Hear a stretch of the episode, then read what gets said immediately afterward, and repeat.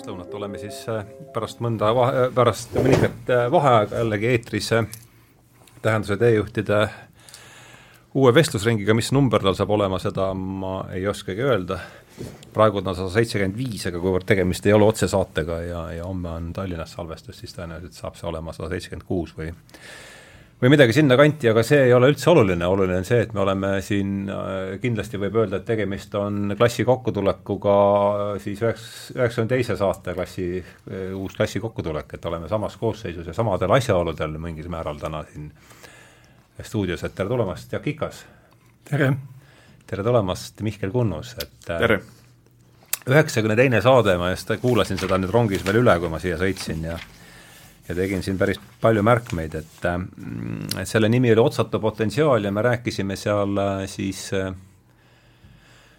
David Bohmist, ühest äh, kahekümnenda sajandi olulisest füüsikateoreetikust ja ja küll ma, ma tegin endale nalja, et küll ma üritasin või tegin endale nalja, et küll ma üritasin Schrödingeri võrrandist aru saada ja ja aga, aga midagi ma sealt isegi sain, et et ühesõnaga, ühel pool on meil siis kompleksarv, Jaak, saad sa aru, me ei taha sellesse takerdada, aga, aga saan ma aru, et äh, võrrandis, nii palju kui mina mäletan, neid on ühel pool on vähemasti majandusteaduses oli niimoodi, et ühel pool on sõltuv muutuja ja teisel pool on, see on funktsioon küll rohkem, äh, eks, aga no mis siis?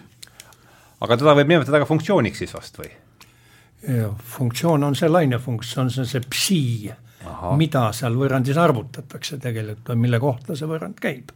ahah no hästi, see on, ütleme, äh, kulutada siin nüüd kaks tundi minusugusele Schrödingeri võrrandi lahti selgitamiseks on tõenäoliselt aga me oleme selleks alati nõus. Jah, jah, et seetõttu, seetõttu ma mõtlesin, et vaataks täna seda asja, mind huvitab see, reaalselt huvitab see suur äh, ikkagi pööre, mis füüsikas toimub siis kahekümnenda sajandi alguses et see, et võib-olla tooks täna siin, eelmisel korral me rääkisime poomist ja keskendusime kvant äh,,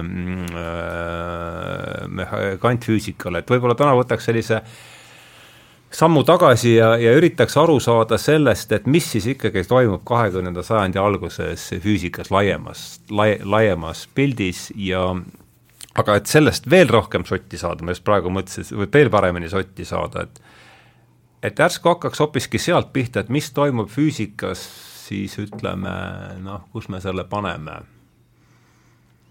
ma, paneme üheksateistkümnendasse sajandisse. oota, ei ma mõtlen veel, ma mõtlen praegu varasema, jaa, see eellugu, eks, aga ma läheks isegi veel tagasi. võtame seitsmeteistkümnenda sajandi ikka ka juurde. just, just, just, ma tahangi, see, see oli minu, see oli see mõte, et Aristotelese äh, on minu arust kaks suurt murrangut, eks, Aristotelese asendumine Newtoniga ja Newtoni asendumine, ma ei tea, siis kvant, äh, kvant kvantmehaanikaga, olete, kas selle, kas me selles suures skeemi, seda, seda suurt skeemi jagame, et see, oleme selles ühel nõul? jaa, ma, ma arvan küll, jah mm. -hmm.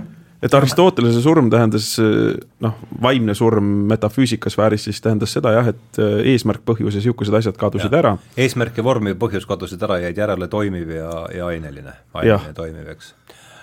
aga Newtonist tõesti kulgev kvantmehaanika tekkeni üks selline noh, seal on nimed või märgid vahepeal, võib-olla Coulomb ja, ja, ja Maxwell ja Rutherford, kes nagu otse asjasse puutuvad ja kes selle aatomi, klassikalise aatomi siis nagu käkki keerasid, eks mm -hmm. ole, tänu millele mm -hmm. tuli hakata otsima midagi. jah, aga teeme siis niimoodi, et üritame, ärme siin väga palju sellele aega kuluta, aga, aga mida kujutas endast siis Aristotelese füüsika, mille kujut-, mille lükkas kõrvale siis Äh, pärast äh, Newtoni füüsika? Äh, Aristoteles, vot võib-olla üks, üks asi, mis on siin kohe hea ära mainida, on see, et see kreeka sõna atomos, et see, see oli juba enne Aristotelest ja tähtis on see, et see on jagamatu, noh, sõna otseses või etümoloogilises. hakkame aatomi poole liikuma, eks ole. jaa, et noh, Demokritos ja Leukippos, tegid niisuguseid mõtteeksperimente, et kui me võtame ühe äh, suvalise käntsaka ainet, hakkame seda katki tegema ja muudkui teeme katki ja muudkui teeme katki, et kas me saame sellega minna, kas me saame igavesti jätkata seda protsessi või mitte. ja jõudsid järeldusele, et ega ikka ei saa küll, et varsti tuleb mingi elementaartükike, atomos, jagamatu. ja noh, meie tavakeelde on siiamaani noh, gümnaasiumis, põhikoolis ja mitte ainult me räägime aatomitest, sest see kontseptsioon keemias on väga tõhus ja tegev. et keemia ongi niisugune siblimine aatomi ja molekuli vahel ja see on väga suur ja võimsalt rakenduslik valdkond. aga füüsikas jah, enne kui me hakkame sinna jõudma, on see, võib öelda, et on aatomi lagunemine siis kõige niisuguses metafüüsilisemas mõttes. see nüüd, mis juhtub ikkagi üheksateistkümnendal sajandil? üheksateistkümnenda sajandi lõpul, kahekümnenda alguses jah, et, et selle, selle kohta või, võib A öelda, aga jah, lähme võib-olla Aristotelese juurde tagasi. see Aristotelese ja Newtoni pööre, jah. ma, kõige lihtsam võib-olla oleks öelda, et äh, Aristotelese järgi maailmas oli elu olemas see on niisugune kujundlikult öeldes, aga elu oli olemas, et maailm oli elus teiste sõnadega? maailm oli, oli elus ja elusolendid olid elus sest äh, kui me oleme niisugused ranged kartesiaanid, siis selle mudeli järgi ka elusolendid ei ole elus, nad on, eks ju, kõik keerulised mehhanismid mm, -hmm. lihtsalt, lihtsalt väga-väga keerulised. ja, ja ma, see mudel on ju niisuguses igasuguses molekulaargeneetikas või niisuguses hästi lähivaate, hästi lähivaate bioloogias ka siiski säilinud või see on noh, tööhüpotees iseasi, kas seda, kas, kas seda usutakse või mitte. ja noh, näiteks, et eesmärk omistatakse ju ainult inimesele. et no see, see keegi... res cogitans on see, mis siis jäi, jäi, jäi lõpuks koondus inimese pähe. jah, et see on nagu noh, eriti kui vaadata bioloogilisest ja evolutsioonilisest perspektiivist, see tundub nagu jabur, et mingi inimesega toimus täiesti niisugune imeline hüpe või neokratsionistlik, mingi vaim tuli sisse või eesmärk tuli sisse, aga kellelgi teisel ei ole mm. -hmm. ometigi, eks ju, noh, Aristoteleses ei olnud kammitsetud teatud laboritraditsioonidest ja tingimustest, kuigi ta vist kandis ka valget kitlilaadset asja. aga ta, üks, üks noh, üks, mis teda päris palju Platonist eri, eristab inimesena, oli see, et äh, Aristoteles oli suur äh, naturalist ta jälgis loodust väga palju. arsti perekonnas ka vist või? ah,. või, võis olla, vot seda ma ei, ma, ma ei mäleta täpselt. aga ta, ta, ta, noh, ta jälgis tõesti loodust hästi, hästi palju, aga Platon võib-olla jälgis inimesi ja, ja taevatähti ja matemaatikat, ta oli niisugune abstraktne mõtiskleja rohkem mm. -hmm. ja nende vahelt ju läks niisugune veelahe läbi mm -hmm. ja tegelikult see veelahe noh, niisugune suurte temperamendi erinevuste voog, et see kestab siiamaani mingis mõttes ma arvan, et võib, võib nii öelda küll. aga Jaak, kuidas sina, mis palju, mis sina mäletad Aristotelese füüsikast või kuidas sina sellest aru saad? midagi ei mäleta, kui aus olla. Midagi ei mäleta, minu füüsika hakkab ikka, algab Newtoni füüsikast hakkab ikka Newtoni füüsikast, jah. Jah, jah, ja ma, ma, võib-olla ma Newtoni juurde teeks niisuguse sissejuhatuse, et no niimoodi, kui teha niisugune ülilihtne skeem, eks, et noh, juba Platonil filosoof, nagu ta oli, või see on välja kasvanud sellisest veidrast inimeste klikist, kellel oli väga suur kirg ja kihk teada saada, kuidas asjad tegelikult on mm. -hmm. niimoodi, nad siis, nad mõlgutasid seal matemaatiliselt ja igavikuliselt ja ideed ja nii edasi, et noh, kõige tõesem asi on kõige igavikulisem asi, matemaatika keel. siis vahepeal tuli peale kristlus, eks ju, noh siis neli-viissada aastat hiljem ja Jumal on see kõige tõelisem asi ja kõik need inimesed, kes tahtsid tegeleda kõige tähtsamate ja kõige tõelisemate asjadega, pöördasid, pöörasid oma silmad Jumala suunas. ja vot, kas see oli, Aquino Toma ütles minu arust, et äh, jah yeah., et kõige, ka kõige tühisem teadmine äh, igavikulistest asjadest on mõõtmatult olulisem äh, kui kõige parem teadmine ajalikest asjadest. noh, see on niisugune antifüüsika, antiloodusteadus, eks ju mm. -hmm. ja, ja kus sa neid igavikulisi tõdesid ikka teada saad, kui püha tekstist, püha kirjast. ja siis väikest viisi tekkis selline arusaam, et see püha kiri, piibel, et see on ka inimeste kirja pandud, sest noh, hakkasid mingid tõlked ja tõlkenaginad hakkasid tulema. järelikult see tekst on ise ebatäiuslik, aga kuhu siis pöörduda? no pöördume Jumala loomingu ehk looduse poole, hakkame seda uurima, et see on Jumala loo, Jumala tekst. jah, seal on juba Toomase niisugust äh, jah, et vaata, et kuivõrd loodus on Jumala tehtud, siis saame Jumala kohta loodust uurida. jaa, aga siis nagu seal Galileo juures tuli pööre, et noh, milles see Jumala raamat ehk loodus kirja on pandud matemaatika keeles ja siis läks asi juba matemaatiliseks ja, ja siit me jõuamegi Newtonini, eks ju. no sinna tuleks ilmselt panna äh, Descartes vahele, sest Piret, ma mäletan, ühes saates ütles, et, et Newtoni kolmest seadusest on kaks, on juba Descartesil olemas või kas ma saan no,, kas see ühtib? oli vist nii, jah. vähemalt matemaatiliselt, jah. ja siin ma võin küll Jaagule sõna üle anda, et kuidas selle Newtoniga läks või miks on Newton oluline, miks oli Newton füüsikas oluline? miks on Newton füüsikas oluline, tähendab Newton on õige mitme asja pealt või kandi pealt. Newton on ka matemaatikas koos Leibniziga tegelikult oluline mm, -hmm. sest ta andis meile vahendeid selliste pidevate muutuste kirjeldamiseks mm. -hmm kui, kui noh, selle pidevusega olid äh,, kreeklastel olid ju igavesed hädad, eks ole, et Achilles ei saa kilpkonna kätte ja mm -hmm. nool seisab ühel hetkel paigal, no kuidas ta siis liikuda saab, eks ole. aga Newtoni kalkuluse järgi tähendab, mis lubab opereerida lõpmata väikeste suurustega ja osutub, et, et äh, lõpmata väikeste suuruste lõpmata suur summa võib anda meile lõpliku suuruse.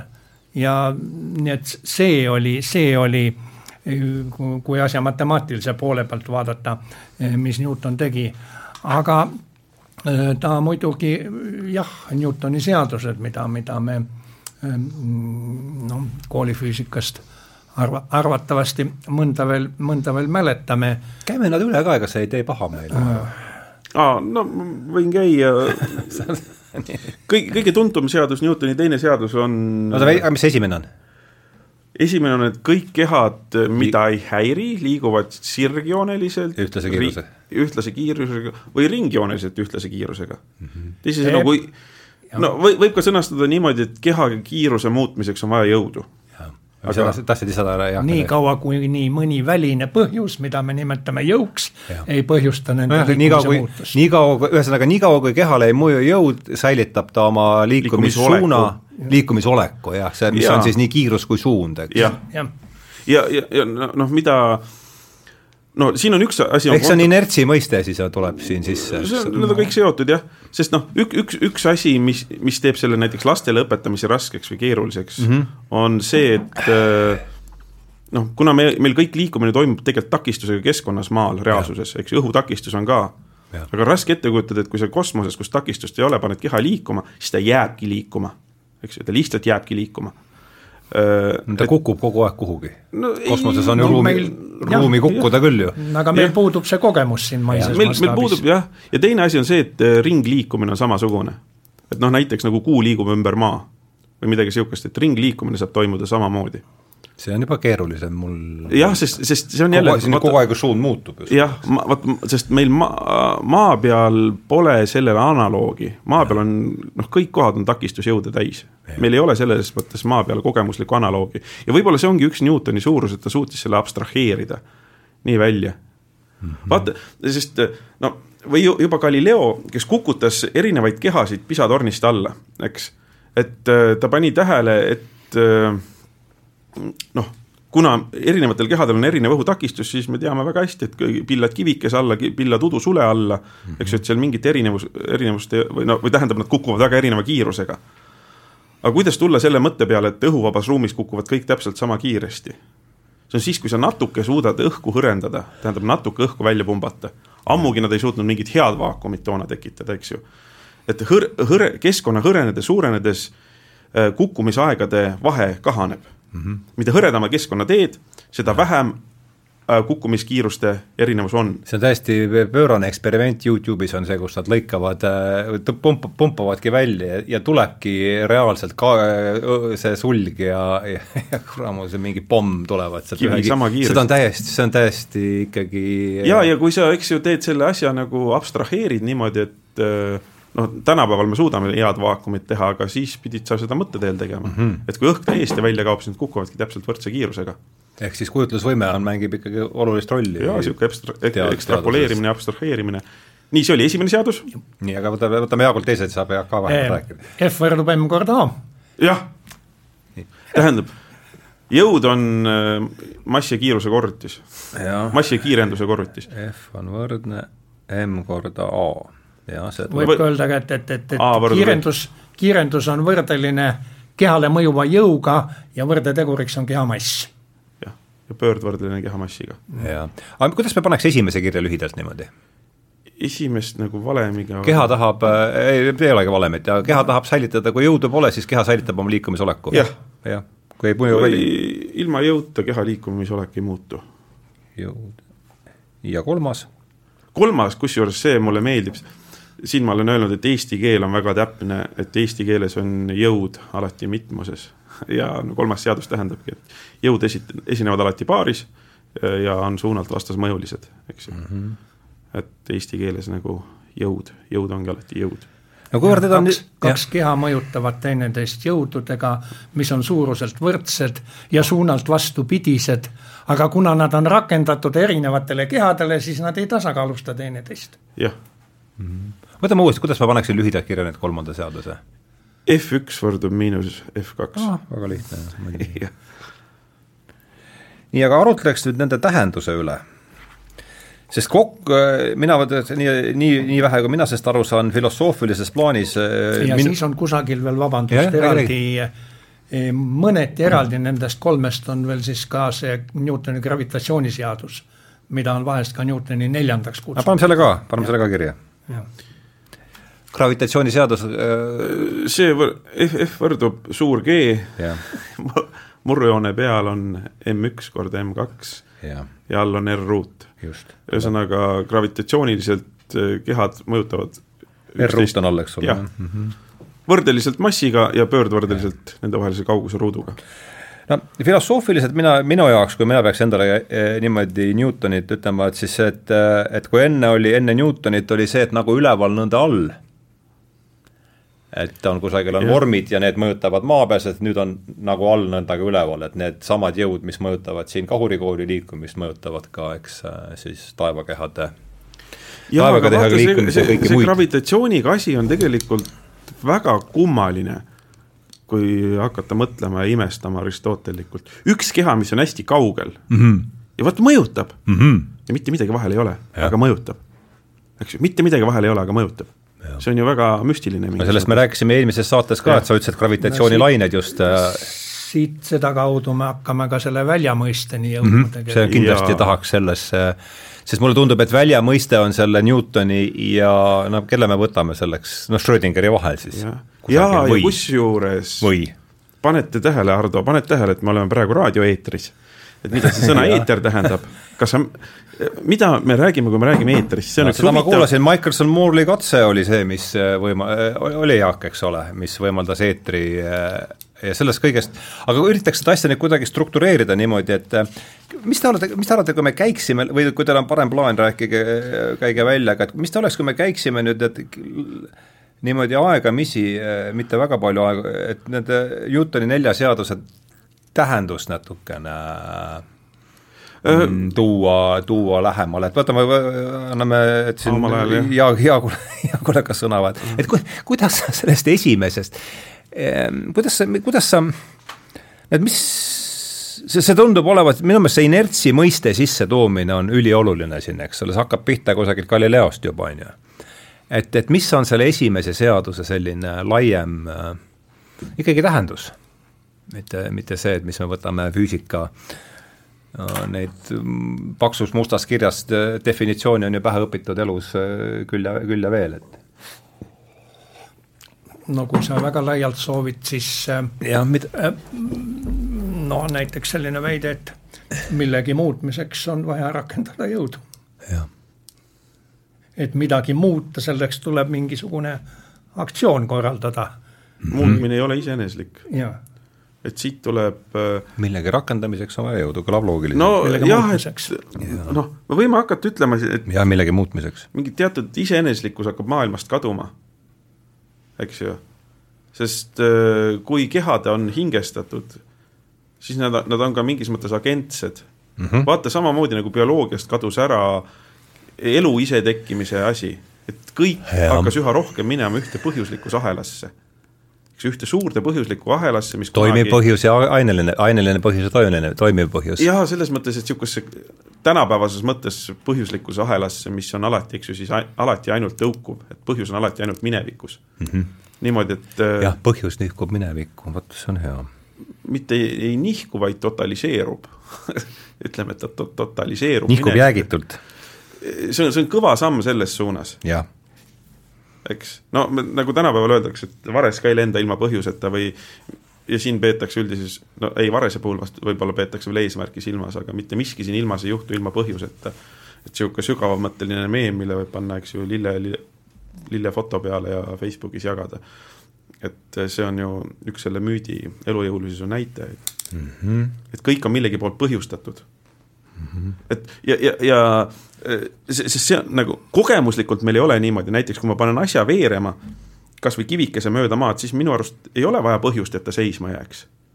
eks ju, sellepärast et see tema seisma jäämine tundub meile kuidagi iseeneslik ja üldse kehade seismajäämised tunduvad iseeneslikud. sest kõik nüüd... kohad on takistust täis? jaa, aga me ei näe seda takistust, me oleme harjunud sellega, noh, õhk on ju see niisugune takistus, mida me ei pane tähele või igasugused hõõrdejõud, no neid me väga ei pane tähele.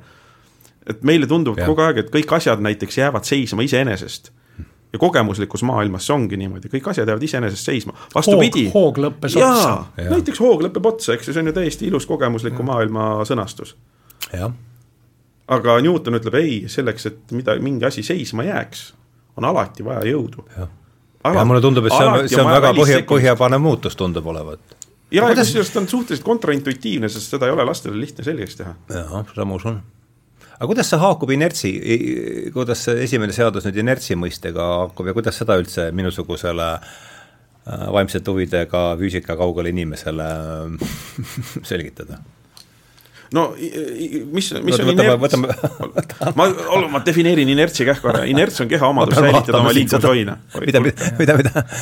inerts on keha omadus säilitada oma liikumishulk. oma liikumishulk, jah ja.? liikumishulk on impulss või? jah on, on, kas liikumishulk erine, erinevatel kehadel võib see olla erinev, sõltuvalt ja. nende massist. mida suurem mass, seda mm, liikumishulk, impulss, B võrdub M korda V. seda suuremat jõudu on vaja tema takistamiseks, ütleb ja, minu, minu liiku li, seisma panekuks, eks ole. Mm -hmm. sest et noh, ütleme ka Tarnast lugedes ja kogu seda filosoofia ajalugu vaadates, et see mulle, mulle, ta, ta rõhutab just seda inertsi, et inertsi mõiste kasutuse tulek on ikkagi väga oluline, et kas me saaks, ma ei tea, natukene võib-olla teeme siin veel ühe ringi sellele ja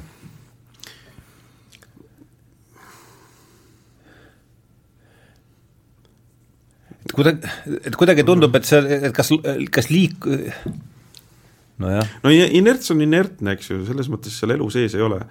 ja, ja igapäevases või tavakeeles me ütleme selle asja kohta mass mm. -hmm. eks.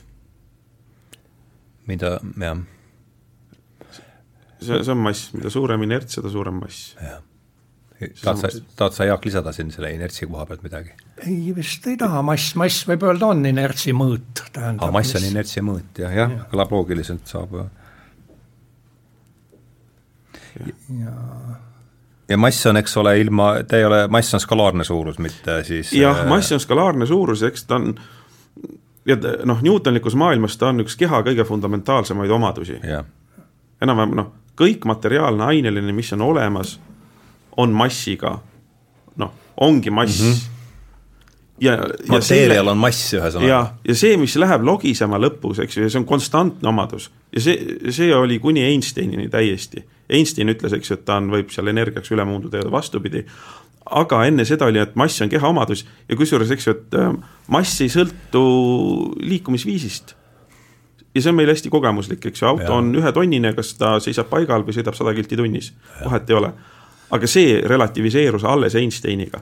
ja ma arvan, et see käib enamikele, noh, kuna ta on kogemuslikult nii võõras ja jabur, siis eh, enamik inimesi eh, noh, kui küsida inimeselt, kas keha mass sõltub tema liikumisest või liikumisviisist, siis ta ütleb kindlasti, et ei sõltu.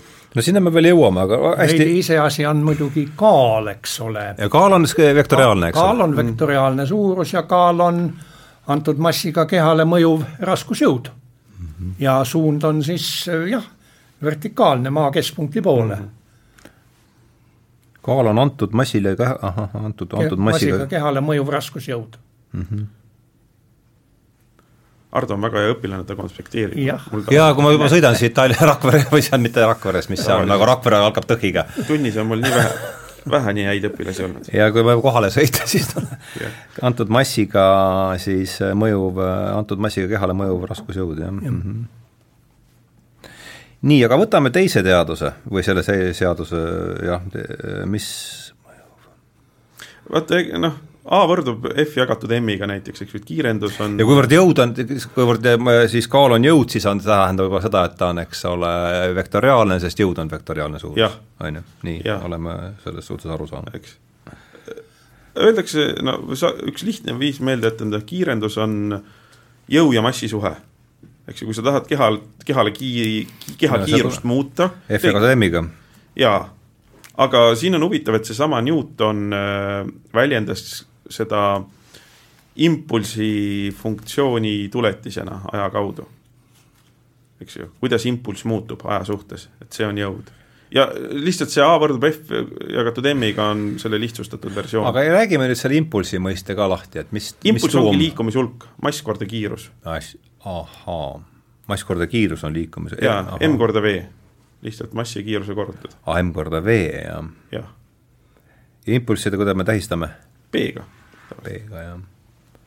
liikumishulk, ahah. jah, sest kui sul liigub mingisugune keha massi ja kiirusega eh, noh, ütleme tema seismapanekuks tuleb siis rakendada mingisugust jõudu. see jõud on seda suurem, mida suurem on mass ja ka seda suurem, mida suurem on kiirus. nii et see mm -hmm. ühtne mõõt ongi see impulss või liikumishulk. ja, ja sellest, oota, aga kas meil kiirus on ka skalaarne või? ei ole vektoriaalne. kiirus on ju alati suunaga, jah ja. Mm. -hmm. ja, ja nii et siis seetõttu on ka impulsse meil ja, ikkagi ja jah, ja, ja, ja miks ta nagu maailmavaates huvitavaks läks, võib öelda, et sealt algas kogu maailma taandumine pisikesteks piljardikuulideks mm. -hmm. kus, mis liiguvad, kolksuvad kokku ja suunad ja no Tipnes sihu-, selli-, sellist laadi determinism Laplace'is, eks ju, kes, kes ütleski, et andke mulle kõigi algosakeste koordinaadid mis ja, ja, ja impulsid vektoritega mingil ajahetkel ja kogu maailm, tulevik ja minevik on seal kirjas. Laplace'i originaaltsitaadis ta muidugi impulssidest ei räägi tegelikult, aga need on vaja lisada selleks, et see, see skeem nii-öelda ilusasti töötaks. ja teine oli, mis Jaak eelmises saates parandas, oli see, et Laplace nüüd alg-, mitte ärge andke mulle, vaid kui ta oleks selline mõistus, mis no, no jah ja, enam-vähem enam-vähem. aga ma jah, kuulasin. aga noh, see selles mõttes, et see maailmavaade. ja, ja, ja. eks see, mis, mis no mis oli väga mõjukas ja mis oli niisuguse positiivismi insener-tehnilise optimismi ja mis minu arust nagu võttis tõelise hoo üles üheksateistkümnendal sajandil ja mis kandis ka kahekümnenda sajandi tehnoutopismi. ja noh, osaliselt kannab siiamaani mm. -hmm. eks ju, kui sa tahad mingit maailma muuta, lihtsalt äh, pane asjad õigesse as asukohtadesse.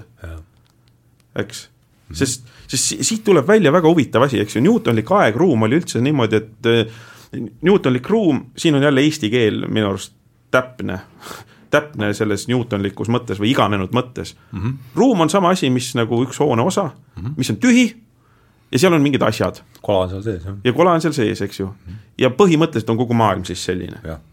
ja näiteks tühi ruum, kus on asjad. ja, ja asjade omavaheline asetus määrab äh,, väikeste asjade omavaheline ase-, asetus määrab ära kõik. sisuliselt kõik ja, siit teki-, siit saab tekkida näiteks fantaasia sellest, et äh, teleportatsioon on võimalik. sa vaatad ära, millised on väikeste asjade koordinaadid, aatomite koordinaadid, paned need asukohakaardid täpselt ära ja saadad selle kaardi kuhugi kaugele ja seal pannakse noh, kas või sind ennast kokku samamoodi. ja ongi teleportatsioon. vahepeal oli veel see lootus, et saan lõpmata suure kiirusega saata selle teise kohta. jah, ja see on ütleme, üks va oluline vahetulemus, ma ei tea, mis te sellest arvate, et mis ma enda jaoks, ütleme, selle hetkeni kaasa võtan, on see, et väikeste asjade omavaheline asetus määrab kõik, mis sa Jaak sellest lausest arvad, et see üks, üks asi, mis meil Newtonilt tuleb kaasa, oled sa nõus sellega? no ma ütleks, et oota, Jaak, ma küsin Jaakult. paneme, paneme. Sa oled kõik minu ala. Paneme nendele väikeste asjade asetusele veel nende impulsid ka juurde, siis on perfektne ahah, väikeste asjade asetus ja nende impulss, jah, mis suunas nad liiguvad ja kuigi nad liiguvad jah ja, ja, kus nad on ja mis suunas nad liiguvad, mis kiirusega. aga ega Newton ju väike, väike, kas ta eeldas siis, et seesama asi kehtib ka aatomite suhtes, mis ta siis äh, oli välja arvutanud siin planeetidega või kuidas ta see, mis tunne teil siin jääb, võtame korraks veel Jaagu, jääme Jaagu juurde muidu minu arusaamises jah, see Newtoni paradigma või, või see selles seisnes, et need, need seadused rakenduvad kõikjal kõik,. kõikidele, ka atoomustele? jah mm -hmm., ja impulsid. noh, ega ta minu teada spetsiaalselt nende atoomustega just väga ei ei tegelenud. aga ta vaikimisi eeldas, et need alluvad ka siis äh,, aatomid alluvad tema no, muidugi jah, sest selles, selles valemis ei ole ju mingeid piiranguid mm. -hmm. eks ju, see, kui suur see mass on, absoluutselt ei ole seal mingeid piiranguid. väike või suur ja see on nende valemite võlu ka. jah, just nimelt, et kui ma sõitsin rongiga nüüd siia Tallinnast äh, siis Tartusse, siis ma viibisin Newtoni järgi punkt, punktmassis põhimõtteliselt, eks, mis liigub äh, mitte no või, võib niimoodi öelda, noh, kusjuures üks huvitav näide on see, et no kui räägime teadusfilosoofiliselt, vahel võib rääkida, et noh, mis asi on modelleerimine. et modelleerimine on alati lihtsustamine, alati ja. millegi kõrvale jätmine, kõik saavad sellest aru, et mingid omadused jätame kõrvale, vaatame ainult neid omadusi, mis meid konkreetse probleemi lahendamisel huvitavaks aga ongi see, et äh, täitsa huvitav niisugune viktoriini küsimus, et kui me tahame leida, kui kiiresti Ardo jõuab rongiga Tallinnast Tartu milliseid arveomadusi meil teada üldse on vaja? ei olete mingeid? ei olegi mitte me taandame mingeid. rongi punktmassiks, see oli oluline. isegi mitte punktmassiks, vaid punktiks. punktiks, jah ja.. mass ka ei huvita. mass ka ei huvita, jah, õige, õige, jah, mass ka ei huvita. ruumilised omadused kaovad ära, ainult punkt jääbki järgi, see on väga huvitav selles mõttes. ja mhm. kõige naljakam on see, et see valem töötab ja see me töötab. saamegi su ja. liikumise aja kuna, välja arvestada. kuna mina olen vist autoga rohkem sõitnud Tallinn-Tartu vahel, eks ole, siis minul tuli pähe selline küsimus, et, et auto asetseb Puhuristis ja ta kiirus on sada kakskümmend kilomeetrit tunnis. kas kõik on hästi? kas kõik on hästi? sõltub sellest, mis sa liiklum- kukas. no ja mingis mõttes ei ole hästi, liikluseeskirjade mõttes. jah, just ma, mul läks esimene mõte, et kui sa nüüd politsei on tee peal, siis mingit mingit vastuolu klassikalise füüsikaga siin ei ole. isegi siis, kui auton on punkt, eks ole, või, või ta võib seal punktis asuda ja tal saab punktis olla ka oma konkreetne või kindel kiirus mm -hmm.. vaat kvantmehaanika keeras need asjad veidike untsu, aga sinna ei ole me õnneks veel jõudnud, nii et mm -hmm. me mhm. võime nii, aga vaatame siis ähm, äh, sellest teise seaduse kommentaarist ma võtsin kaasa siis selle, et väikeste asjade omavaheline asetus ja impulsid määrab kõik, määrab kõik see, mis maailmas, kui me neid teame, siis me teame põhimõtteliselt ja, ja meil oleks see Laplace'i superarvuti, siis me teaksime kõike, mis meil üldse teada on.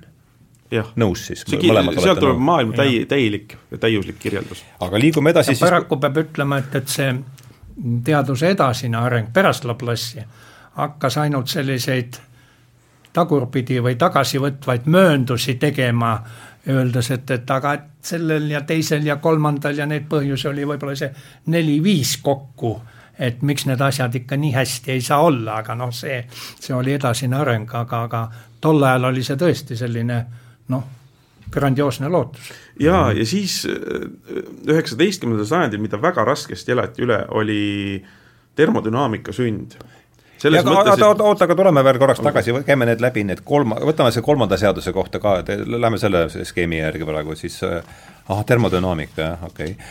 aga see F, mis, mis on siis selle F1 võrdub, võrdub miinus F2 kohta, kuidas me seda võiksime niimoodi mingit liha siin sellele valemile juurde anda? mis iseenesest ei ole ju keeruline meelde jätta ega tahvlile joonistada ega saada vajalik viis, kui on äh, selleks huvi et aga mida ta, mida ta meile siis ütleb? Äh, et meie... jõud esine-, et noh, maailmas ei ole üksikut jõudu. jõud Maailm... esinevad alati paaris mm. -hmm. jah, see on ja, ja kui me no, mingis mõttes ühe nurga pealt on ta tautoloogiline, kui me ütleme, et jõud on vastasmõju mõõt ja see, et oleks millegi vahel vastasmõju, siis noh, peab olema mingid kaks asja, eks ju. aga siin on jälle see, et on näha, et Jumal kaob maailmast ära. kaug-, kaugemas mõttes, eks ju sest äh, tema oli niisugune ühesuunaline mõjutaja mingis mõttes. see on huvitav mõte. no see on niisugune noh, taustamentaalsus. ja ei, see, see mind huvitab. või, või noh, kui asjad kõik omavahel üksteist ilusti ära mõjutavad, siis siis ei ole mingit välist mõjurit enam vaja, tähendab nad ja. saavad omavahel ise hakkama. ahah, asjad see... saavad omavahel ise hakkama, vaadake huvitav. jah, see on see on jah, antropoloogiline projektsioon no, aga... Newtoni kolmandast seadusest jah, aga see on väga oluline selles mõttes ka meta, jah. metafüüsiliselt jah, asjad saavad omavahel ise hakkama, ei ole ja seal samal ajal on ju deism, eks ole, et jumal paneb selle kogu selle värgi ajal käima ja siis jätab, eks ole, selle mm -hmm. asjad saavad omavahel ise hakkama, sest kõik juba toimib siin niimoodi ja omasoodu, jah. väga huvitav, väga huvitav. nii, aga siis äh, et me siia nüüd liiga pikaks ei takerduks, noh gravitatsiooniseaduse kohta räägime sellest ka siis, mis see? F võrdub G korda M1, M2 R-ruuduga, see jääb ka suhteliselt kiiresti meelde, on ka arusaadav, aga mida siis, mis on selle laiem tähendus selles maailmapildis ja võtame, alustame ja ma saan nüüd, täna ma saan väga hästi aru, milles on saatejuhi ülesanded nii, nii on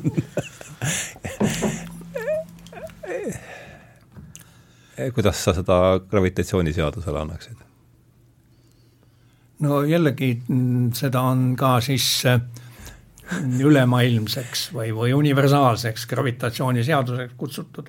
no mõte selles seisneb, et, et see on selline jõud, mis mõjub äh, kõikide kehade vahel mm. -hmm. no e, miks ta minu ja sinu vahel ei mõju liiga väiksed massid. no liiga väiksed massid jah, just nimelt, sest osutub, et, et see jõud tegelikult. selle märapärase G, eks ole siis. tegelikult selle, selle G-ga on, on ka selles Newtoni teises seaduses, selle G-ga on üks selline äh, huvitav asi, et, et, et meil oli see valem, eks ole, et, et, et A võrdub F jagatud M-iga mm. -hmm. nüüd ähm, kui F on, on, on kaal, raskusjõud, siis on tema väärtus M korda G. Te näete, et sealt valemist lähevad M-id välja. no ja sealt tulebki see, et, et, et kõik, kõik kehad liiguvad ühesuguse kiirendusega siin maa raskusväljas oh.. jah ah, see universaalsus ja, ikkagi tuleb ja, sealt. ja, ja seal, kust Einsteinil tulevad, sealt tulevad siis pärast see, see inertne ja raske mass tulevad sisse, eks ole inertne mass tähendab, see on see, mis selles Newtoni teises seaduses äh, jah, just figureerib, eks ole. Aga, aga, aga mm, raske või gravitatsiooniline mass, need on nüüd need massid, mis istuvad äh, Newtoni gravitatsiooniseaduses sees. aga tegelikult äh, noh, Einsteini väide pärast oli selles, et need on needsamad massid, on täpselt needsamad massid mm. -hmm. jah, et äh, no universalism on ka selles, et äh, gravitatsioonijõud mõjub mis tahes kauguselt. ja me, ma selle paranduse teeksin, et, äh, et Jaagu ja Argo, Hardo vahel on küll gravitatsioonijõud, aga see on lihtsalt imepisike. nojah, seda, sellest me rääkisime, et väike, massid on nii väiksed, aga see on välja arvutatav. ja õpilased vahel arvutavad välja ka, et kui suur on neil üksteisevaheline tõmme. no, no tuntud Cavendish'i katse, eks ole, tähendab, kus nii-öelda äh, äh, küll suurte, aga ikkagi selliste kaunis inimlike mõõtu äh, tina või pliikuulide vahel keerdkaalude mm. abil püüti midagi leida ja, ja, ja leiti ka, leiti ka tähendab Aha. siin äh, ahaa, hiljuti nagu kordas ülikooli ajaloomuuseumis seda katset, noh, värises kõikus, aga midagi tuli nagu, nagu välja ka. aga, aga, aga nii et äh, jah ja noh, näiteks loodete seletus, eks ju, et kuu ja. gravitatsioon on piisav, et tõmmata vee, veelaine üles. selle tegi kõik Newton, eks, see, see tuli kõik Newtoniga. nii, aga hästi. nüüd äh, meil on siis läinud, ohoo, meil on siin tunnikene, vaata, et tuleb natuke anda juurde, et nüüd meil on, oletame, et Newton on nüüd enam-vähem kokku võetud ja hakkame liikuma siis nüüd Einsteini ja võtame siis Schrödingeri selliseks käilakujuks et mis sinna vahele jääb, sa ütled termodünaamika, mulle tundub, kas Faraday on, Faraday on järsku oma selle välja mm, et no kuidas, kuidas see äh, ütleme siis niimoodi, et kahekümnenda sajandi esimese kolmandiku lõpuks on Newtoni füüsika universaalsus. Newton oli maailma ajaloo suurim füüsik sellepärast, et ta suutis umbes panna püsti hästi töötava, selge, jagatava paradigma, mis püsis kakssada aastat võib öelda. ja mis väljaspool füüsikat tundub, püsib siiani, mul on selline tunne. jaa, sest kui kiirused püsivad alla kolmandiku valguse kiiruse, ta töötab siiamaani väga hästi, väga rakenduslik. nii, aga Jaak, tahad lisada? ja massid on sellised normaalsed, mitte mingid imetillukesed ühesõnaga meie igapäevakogemuses on Newtoni füüsika, Newtoni paradigma ju kehtib, eks. väga rakenduslik, jah. ja kehtib ta siis siiani, jah ja miks ma mainisin termodünaamikat, sest seda elati väga ras-, raskelt üle, sellepärast üks asi, mis, mis sealt tuli, oli sisse statistiline matemaatika. pilt läks segaseks ja kaootiliseks eks ju, võib-olla mäletate Browni liikumist, seda, selle ja. kohta öeldaksegi kaootiline liikumine. tuli sisse kaootiline liikumine ja kaos. Ja seda tõesti mõned elasid nii raskelt üle, et tegid enesetapu. Boltzmann. Boltzmann ja seal äh, mõni veel kusjuures. oota, aga paneme nüüd selle telje paika niimoodi, meil on siis, ütleme, võtame sümboliks tuhat kuussada kaheksakümmend seitse on Principia, eks. niimoodi ja ütleme, mis me võtaksime kvantrevolutsiooni mis sa, Jaak, võtaksid, ütleme, uue füüsika selliseks noh no, analoogseks paneme aastaks? sinna tuhat üheksasada kolmteist siis selle Bohri vesinikuaatomi. ahah, väga huvitav. aga Einsteini relatiivsusteooriad olid muidugi juba varem. tuhat üheksasada viis oli erirelatiivsusteooria ja kusagil see üldrelatiivsusteooria, jah, see oli veidike hiljem, aga, aga no tuhat üheksasada mis sa ütlesid, Bohri vesiniku tuhat üheksasada kolmteist Bohri vesinikuaatomi mudel. Bohri vesinikuaatomi mudel, jah. Sest varasema teadmise põhjal nagu osutus äkki, et ei saaks olemas olla sellist asja nagu aatom. jah no, kus, kus see, kus see välja, kus see välja nüüd ma vajan selgitamist, sest me eeldasime ju seda, et Newton Newton ka arvas seda või Newt-, ma seda küsisin eraldi, et Newtoni arvates mõjusid, mõjus see tema füüsikaga aatomitele. ja nüüd sa ütled seda, et oota, ma lõpetan. Et, et, et, et sellist asja nagu aatom ei saanud olemas olla, et nüüd on mulle vaja selgitust, et ja. alustame Jaagust praegu. tähendab, mis sinna vahele tulid? või võib ka teisest otsast alustada, Rutherfordi katsed, kes alfaosakestega pommitas õhukesi kullalehti. leidis, et need aatomid peavad olema sellised, et seal on üks selline suht väikene ja tihe positiivne moodustis, me nimetame seda praegu aatomi tuumaks, aga seal ümber on siis ähm, negatiivne laeng, mm, kerged, kerged elektronid. nii, väga ilus. Äh, see, kuidas positiivsed ja negatiivsed laengud omavahel mõjuvad see oli ka hästi teada, see oli Coulombi seadus, eks ole, täpselt samuti noh, sõltuvus kaugusest, nii nagu gravitatsiooniseaduse korral mm. -hmm. parameetrid on teised, tähendab, sinna ei lähe mitte massid, vaid laengud lähevad sisse, aga nad, kuna seadus sõltuvus kaugusest on sama. no ta natuke aimab järele. Nad peaksid samamoodi ilusasti tiirutama need kerged elektronid selle positiivse tuuma ümber mm -hmm. ja olekski kõik ilus, aga, aga vahepeal istus Maxwell aga ütle mulle, Rutherfordi katsed on millal, tuleb sul see meelde?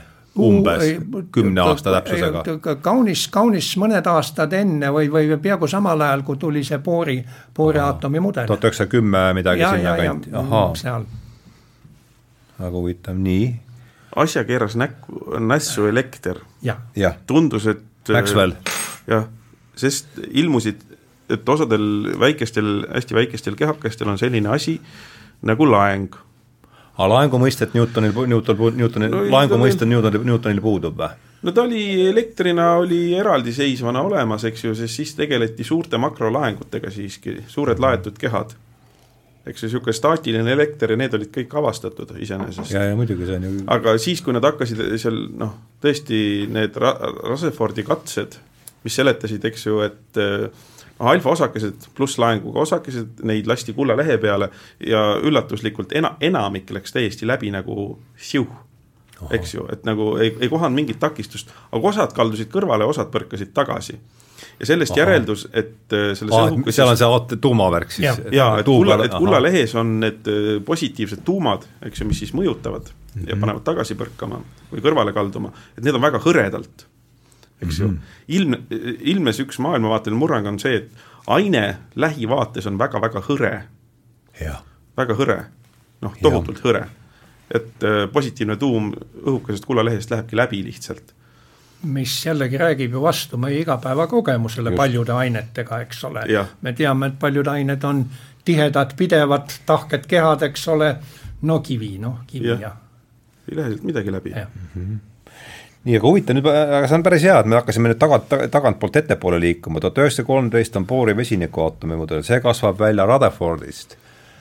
ja nüüd käis Maxwell läbi, Maxwell on meil mingi tuhat kaheksasada, mingi seitsekümmend või? umbes nii, jah. eks ole, jah. tähendab, Maxwelli seadused ja miks nad on olulised, noh, laengute liikumine, millest me rääkisime, eks ole,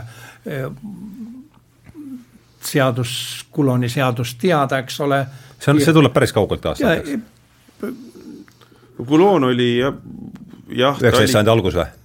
varasem. varasem isegi, jah okei okay,, ma selle vaatan järele, Kuloni seadus e,. Mm, aga mida ütles Maxwell, mis tuli välja Maxwelli võrrandist, tuli välja see, et igasugune kiirendusega liikuv elektrilaeng Kiirkama peab energiat. kiirgama elektromagnetilisi laineid. jah, ehk kaotame energiat. ja seega kaotame energiat, eks ole. No kaotama energiat tähendab siis ta, see tuuma ümber tiirlev elektron, ta mis seaks nagu järjest kukkuma sinna. jah, seda sa rääkisid eelmises ja, saates, jah. jah, jah. et Tum... ei ole stabiilne. et ühesõnaga stabiilne, aatomi stabiilne planetaarmudel on võimatu. elektri tõttu.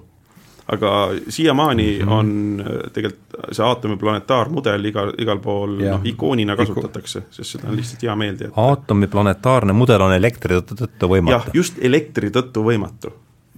et see oli siis niisugune kahekümnenda sajandi alguse peavalu väga, ahaa, no muidu no, oleks see see on, see on kahtepidine muidugi, üh-, ühtepidi ta elektrilistel jõududel põhinebki, eks ole, meetmed, mis panevad ta kiirlema. aga samal ajal elektrinähtused ise põhjustavad energiakao, elektromagnetlainete kiirgumise. jah. Kui, kui ma kirjutan, kui ma kirjutan Maxwelli kohta, et igasugune kiirendusega liikuv osakene kiirgab energiat, siis on laetud, laetud osakene.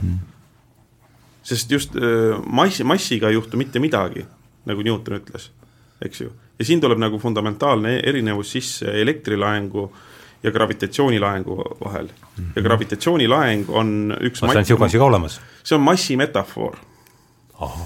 eks ju, sest äh, Coulombi seadus ütleb, et äh, laengute vaheline jõud ehk Coulomb'iline jõud F võrdub K korda Q1 korda Q2 jagatud R ruuduga ehk täpselt samasugune matemaatiliselt pildilt nagu Newtoni gravitatsiooniseadus, kus F võrdub G korda M1 ja, korda M2 jagatud R ruuduga. tunduvad täpselt täiesti ühesugused. täiesti ühesugused. matemaatiliselt. seda ma mäletan ka. jaa, matemaatiliselt täiesti ühesugused, aga siis tundus, eks ju, et äh, laeng ajab asja nässu, sest laengu puhul tõepoolest kiirendusega toimub alati energiakadu.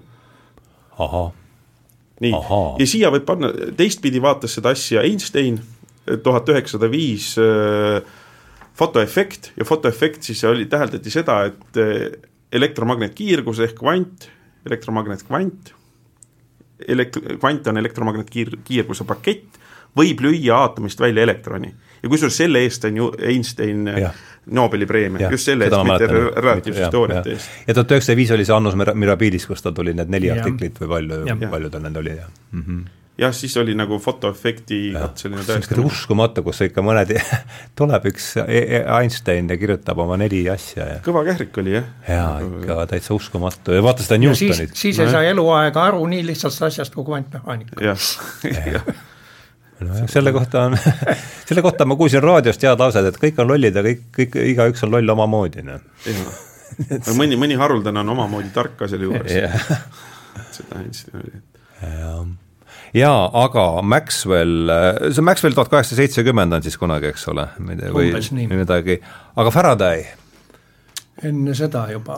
varasem, tuhat kaheksasada viiskümmend. tuhat kaheksa, aa nii palju, nii vähe varasem? jaa, ja tema on nagu selles mõttes huvitav, et tema hakkas hästi palju elektriga mängima et noh, tema, temalt oota, ma küsin vahele, kas Newton üldse elektri kohta arvas midagi või? vot mul kohe nagu ei sähvata. mitte väga mm. -hmm. ta küll valguse ja optika kohta ah, seda ta tegi, jah ja.? aga elekter, elekter teda väga ei tõmmanud, jah ja.. jaa. ja noh, iseenesest nojah, see jah. elekter oli nagu, kui ta tuli, siis ta oli nagu noh, kultuuriliselt väga huvitav, vaata Frankenstein elustati elektriga ja et teda hakati niisuguseks elujõuks pidama aga millal ja no magnetid ja magnetism oli ka ja. selline väga müstiline asi alguses mm. -hmm mm. -hmm. mesmerismi seansid ja, ja ja nii palju ma jõudsin mingi Schrödingeri elulugude sirvida natukene, et, et seal väidab, et Galileo sai just Gilbertilt palju sellist, peaks klappima eluaastad vist. võimalik, praegu ei, ei, ei turgata see seos mm. -hmm. nii, aga, aga, aga Faraday juurest oleks hea liikuda kas ma saan aru, et väljamõiste tuleb koos Faradayga või? Faraday suuresti tõi väljamõiste sisse. Räägime sellest ka, et äh, mis, mis, mis tuuommi siis? et eh, miks nagu seda välja, välja vaja on või, või ja. välju või et eh, füüsikutele hirmsasti ei, ei meeldi selline asi nagu kaugmõju mm. -hmm. see tähendab see asjaolu, et, et, et üks keha on siin ja teine on kusagilt seal ja siis on nende vahel mingisugune müstiline mõju, vahepeal midagi ei ole, aga, aga mõju on, vahepeal võib isegi vaakum olla, aga, aga mõju ometigi on. jah, see, mis nagu Newtoniga tuli ju, eks ju. no sellest väljapääsemiseks või kõrvalehiilimiseks või kuidas võtta, tuligi siis see väljamõiste, tähendab, et, et, et tegelikult nende vahel seal ruumis ikka üks selline füüsikaline entiteet on, mis täidab kogu nendevahelise ruumi, mis teatud tingimustel võib, võib seal levida, aga siis on niimoodi, et, et, et, et väli mingisuguses ruumipunktis noh, põhjustab välja järgmises punktis ja nii edasi ja nii edasi. nii et me saame sellise nagu mõju pideva leviku, mõju Aha. pideva leviku. välja on vaja mõju pidevaks levikuks. ühe keha mhm. juurest teise keha juurde mm. -hmm. jah välja on vaja mõju pidevaks levikuks. ja alguses ma saan aru, sellest eelmisest saatest sa mainisid, et see oli algus, alguses oli ta niisugune pigem matemaatiline no, abikonstruktsioon ja, ja pärast ja, tuli talle niisugune siis ontoloogia taha või no,? ja pärast hakkas järjest enam sellist füüsikalist sisu ja reaalsust omandama. noh, lõpuks kuni siis selleni välja, et ta võis tõepoolest iseseisvalt ruumis elektromagnetiline väli võis iseseisvalt ruumis levida mm -hmm. elektromagnetiliste lainete kujul mm. -hmm mm. -hmm. ja see on see huvitav asi, et see on, see on äh, mille kohta ma ütlesin, on kujutlusvõime kriis, et me ei suuda hästi ette kujutada muud vastasmõju kui kontakt. no see, kas see ei tule mitte sealt, seda on, seda on siit ja sealt kuuldud, et ikkagi selle, kui me nüüd vaatame filosoofiliselt, lähme Descartesi juurde ja, ja, ja et see, see kogu see mehhanitsistlik filosoofia, et seal on see kella kella see, kellamehhanism on justkui see metafoor, mis seal taga on, et seal peab olema hammas, üks hammasratas lükkab teise käima ja ja, ja, ja vot sellest me saame väga hästi aru, sellepärast me näeme, üks hammasratta hammas lükkab ilusti teist, on kontaktis mm, -hmm. eks ju. aga ilma kontaktita, see oleks niimoodi, et hammasrattad on ühe lauanurga peal ja seierid teise nurga peal ja siis no kuidas paneb liikuma ja see on tegelikult, kui mõelda, selline väga veider tunne või, või kogemus, kui te magnetitega mängite. jaa, noh, on ju veider. väga veider see on meeles siiamaani. jah, jah, jah. mul on lapsepõlves meeles see, et vau, mis see nüüd on. väga veider, eks ju. üliveider. selle vahel on väli. jah, mul on kusjuures meeles see kogemus ja vot, mis see nüüd on. ja väli on seal siis vahel ja mm ja kuidas me välja, ma olen seda küsinud varem, aga ei tee paha seda üle küsida, kuidas me välja praegu defineerime füüsikaõpikutes? vastasmõju vahendaja. vastasmõju vahendaja. vastasmõju vahendaja, jah. defineerimegi vast-, vastasmõju vahendajana. noh, võib veel seal öelda niisuguseid kõrvutavaid omadusi, et aine täidab ruumi, väli ei täida ruumi. välja puhul kehtib superpositsiooni printsiip, välja siis sa saad ühte ruumi panna põhimõtteliselt nii palju, kui tahad, lõpmatu hulk üks väli ei sega teist, igasuguseid selliseid asju võib öelda. jah, nüüd äh, need, need, äh,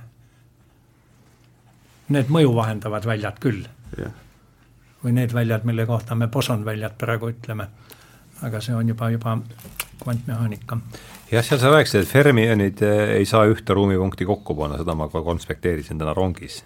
aga, aga see no, viib meid praegu. see, et sa ei saa ruumi valgust täis panna sa saad ühe valguskiire teisest läbi suunata niimoodi, et üldse, üldse ei mõjuta ega sega teist. just. -hmm.. okei aga nüüd me äh, tuleme tagasi selle ajatelje juurde, me oleme tuhat kuussada kaheksakümmend seitse on Principi ja nüüd tuhat kuussada või tuhat kolmsada, tuhat üheksasada kolmteist Boori vesinikuaatomi mudel, et kui me nüüd hakkaksid tuhat üheksasaja kolmeteistkümnest edasi veel minema, et et ma olen saanud praegu ajateljel tuhat kaheksasada viiskümmend Faraday, kas oleks veel midagi olulist, mis meil oleks vaja nüüd panna Principi ja Faraday vahele? Mis te arvate? no ma ei ütleks, et niisugust maailmavaateliselt olulist, no füüsikaloos on loomulikult need äh, Alessandro Volta ja Luigi Galvani, kes hakkasid nagu seal ikka elekter? no sealt, kus see elekter oma juurikad alla said, aga nemad tegelesid ikkagi suurte makrokehadega, eks ju, suured laetud kerad ja Galvani element, eks ju, mis on niisugune esimene alalisvoolu allikas, noh, patarei eelkäijad mm. -hmm. aga need olid kõik suured asjad okay.. eks see, see, et äh, aatom, aatomil kukkus põhi alt ära tänu sellele, et ikkagi väga väikestel asjadel tundus olevat laeng, eks ju, elektronil laeng, tuumal laeng ja siis, kuidas nad omavahel sinna klapitama panna mm. -hmm. kuidas nad stabiilselt panna, võiks mm -hmm. öelda, et see on see, kust kvantfüüsika tuli. sest no on arusaadav, et nad olid seal mingi igavene liikumine käis, aga kuidas panna elektronid ja prootonid eh, ehk plusslaenguga ja miinuslaengud ühte kohta, enam-vähem ühte kohta, niimoodi, et see süsteem oleks stabiilne. Ja vot see hakkas, sest vot siin nüüd nagu Newton ei, ei andnud abi mm. -hmm eks ju, kuidas see stabiilselt panna ühte kohta, sest fakt oli see, et aatomid olid väga stabiilsed mm, -hmm. aga üritati neid modelleerida, selliseid asju, siis ei õnnestunud panna kuidagi stabiilselt elektroni ümber prootoni pöörlema. ja seal Aha. see stabiilsuse küsimus oligi see mm. -hmm sama küsimus, Jaak, sulle ka, et kas sa paneksid siia Faraday ja, ja Newtoni vahele veel midagi sellist olulist, millest peaks rääkima, enne kui me lähme nüüd Boori juurde ja hakkame sealt liikuma? ei, võib-olla peaks, muidu me võib-olla ei, ei jõuagi väga kaugele ja,. jah, jah, no Faradayst ei saa üle ega ümber siin, ma arvan. noh, välja mõõta, jah. ei saa, eks jah. okei okay,, aga siis äh, ahaa, ma vaatan järele, mis ma siin konspekteerisin, sealt võib-olla on siit hea edasi minna Mm -hmm. ma kuulasin ka meie eelmise saatega üle uuesti. Sulle... ega, ega me väga metsa ei pannud, midagi ei valetanud, midagi ei pea häbenema, mis me rääkisime. võib-olla jäi midagi puudu. no seda võib alati olla. ei, seda noh, niikuinii jääb, eks, aga, aga mis äh, no ja ma Faradi kohta ma ütleks veel seda ajalooliselt, et ta, tema on üks suuremaid süüdlasi selles, et ta tekitas valge inimese sõltuvuse ehk sõltuvuse elektrist, mis on sõltuvusväli, sõltuvusaine. et Seda... praegu, kui elektrihinnad on kõigil, panevad pea valutama, siis enne Faradit polnud, keegi ei osanud kartagi sellist muret. jah, see olid teised mured küll. jah, et see oli täiesti elektrieelne aeg ja maailm. ja vaata, kas ma nüüd nojah, ahaa, ahaa, jah, vot, vot, vot, vot. aata üks, mis ma olen pannud siin NB lausa ja sellest me juba natuke siin rääkisime, et aatomi ümber pidevus puudub. ma saan nüüd aru niimoodi, eks, et et esialgne lootus oli siis vist see, et eks, et, et noh, aatom on nagu see aatomi planetaarmudel, et need osakesed, mis seal ümber siis tiirlevad, et need alluvad ka Newtoni füüsikale, kas ja, see, see oli esialgne lootus, eks? ahah, siis ma saan ikka õigesti aru, jah. jah, ja, ja laeng keeras asja tuksi. anname sellele palun, äh, mis on laeng üldse? mis toob? vot selles maailmapildis on ta kehade fundamentaalne omadus. Mille, eks ju, kui on, kui massid vahendavad või gravitatsioon vahendab masside vastasmõju, siis laeng ehk elektriline vastasmõju ehk kulooniline vastasmõju on uus vastasmõju liik. täiesti uus, uus vastasmõju. jah, ja kusjuures, eks ju, ta on rangelt binaarne, on plussid ja miinused. aga mhm. massid on mass on mass, eks ju, seal Aa, seal juba see diskreetsus tuleb juba laengust, laenguga siis põhimõtteliselt ju sisse. selles mõttes, eks ju, et on, on kahte tüüpi, on tõu-, tõuke- ja tõu-, tõmbejõud, aga mm -hmm. gravitatsioonilist tõukumist ei ole. gravitatsioon ainult ja ainult tõmbab. eks ju, aga laengute vahel on ka väga ohoo, saab tõugata ka, sest seal on eri nime, nimelised laengud, pluss ja miinus. ja siis on veel omaette kehad, kellel pole üldse laengut. eks ju, massita kehasid olla ei saa, laengute kehad saavad olla laengud on, saavad tekitada nii tõmbe- kui tõukejõudu mm. -hmm. laengud erinimelised, pilt läks märksa kirjumaks. ja, ja laengu, ja millal tuleb laengu mõiste sisse? kuloon. selles mõttes, et no okei okay. aga kuloon on meist mis aja, tema on meil mingi siis ta on no, Faradi ja Newtoni vahel kuskil seal. päikse siia peaks ikka kulooni panema siis, nii. Coulomb. jah, ma tean seda jaa, aga hakkame siis liikuma nüüd, ähm, tuleme siis nüüd, meil on no tubli nelikümmend minutit julgelt, äh, viiskümmend minutit, et nüüd oleks vist ikkagi aeg hakata siis, äh, ma arvan, siit sellest Jaagu, sõnasabas kinni, et kui ma palusin valida sul selle sümbolsündmuse selliseks äh, uue füüsika tekkes, et siis sa kuidagi esimesena nii-öelda põlve, see põlve, kuidas öelda, see põlveõndra reaktsioon oli boori, vesiniku, aatomi mudel, et anna palun kõigepealt sina siin natukene äh, sellele siis äh, miks see nii oluline on ja, ja hakkame siit siis edasi liikuma? Ehm, no oluline seepärast, et ta tegelikult andis algimpulsi eh, kvantmehaanika arendamiseks.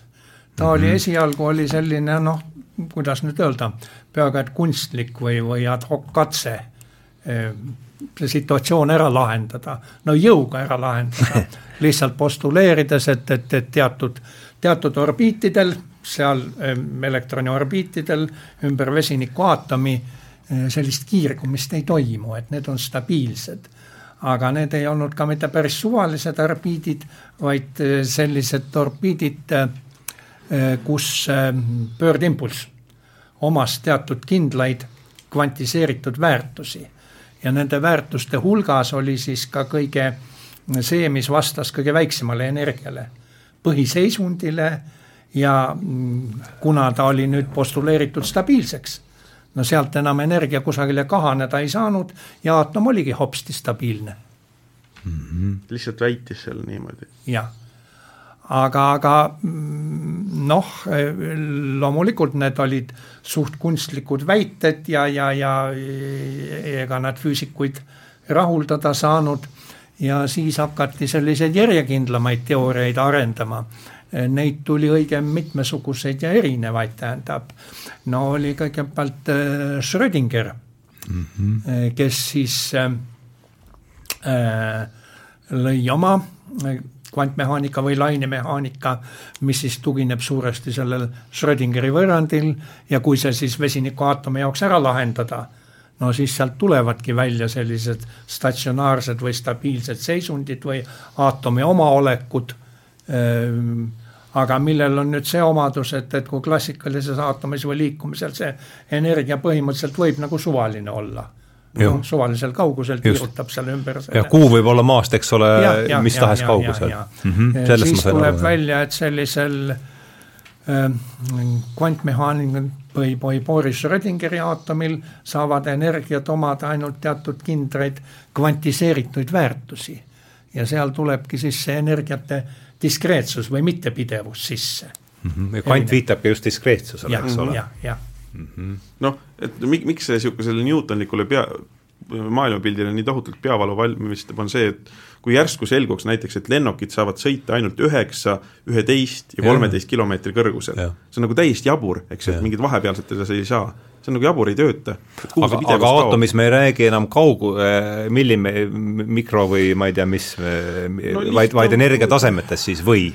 No hoopis teistsugune sii... mingi kate-, kategooriata ju või? No vot, siis, siis, siis lähebki asi käest ära, et enam ei saa rääkida õieti orbiidist ja, ja kaugusest, vaid hoopis õigem oleks öelda energia, eks ju. see kogu see te-, teine põhi, mõisted muutuvad täiesti või?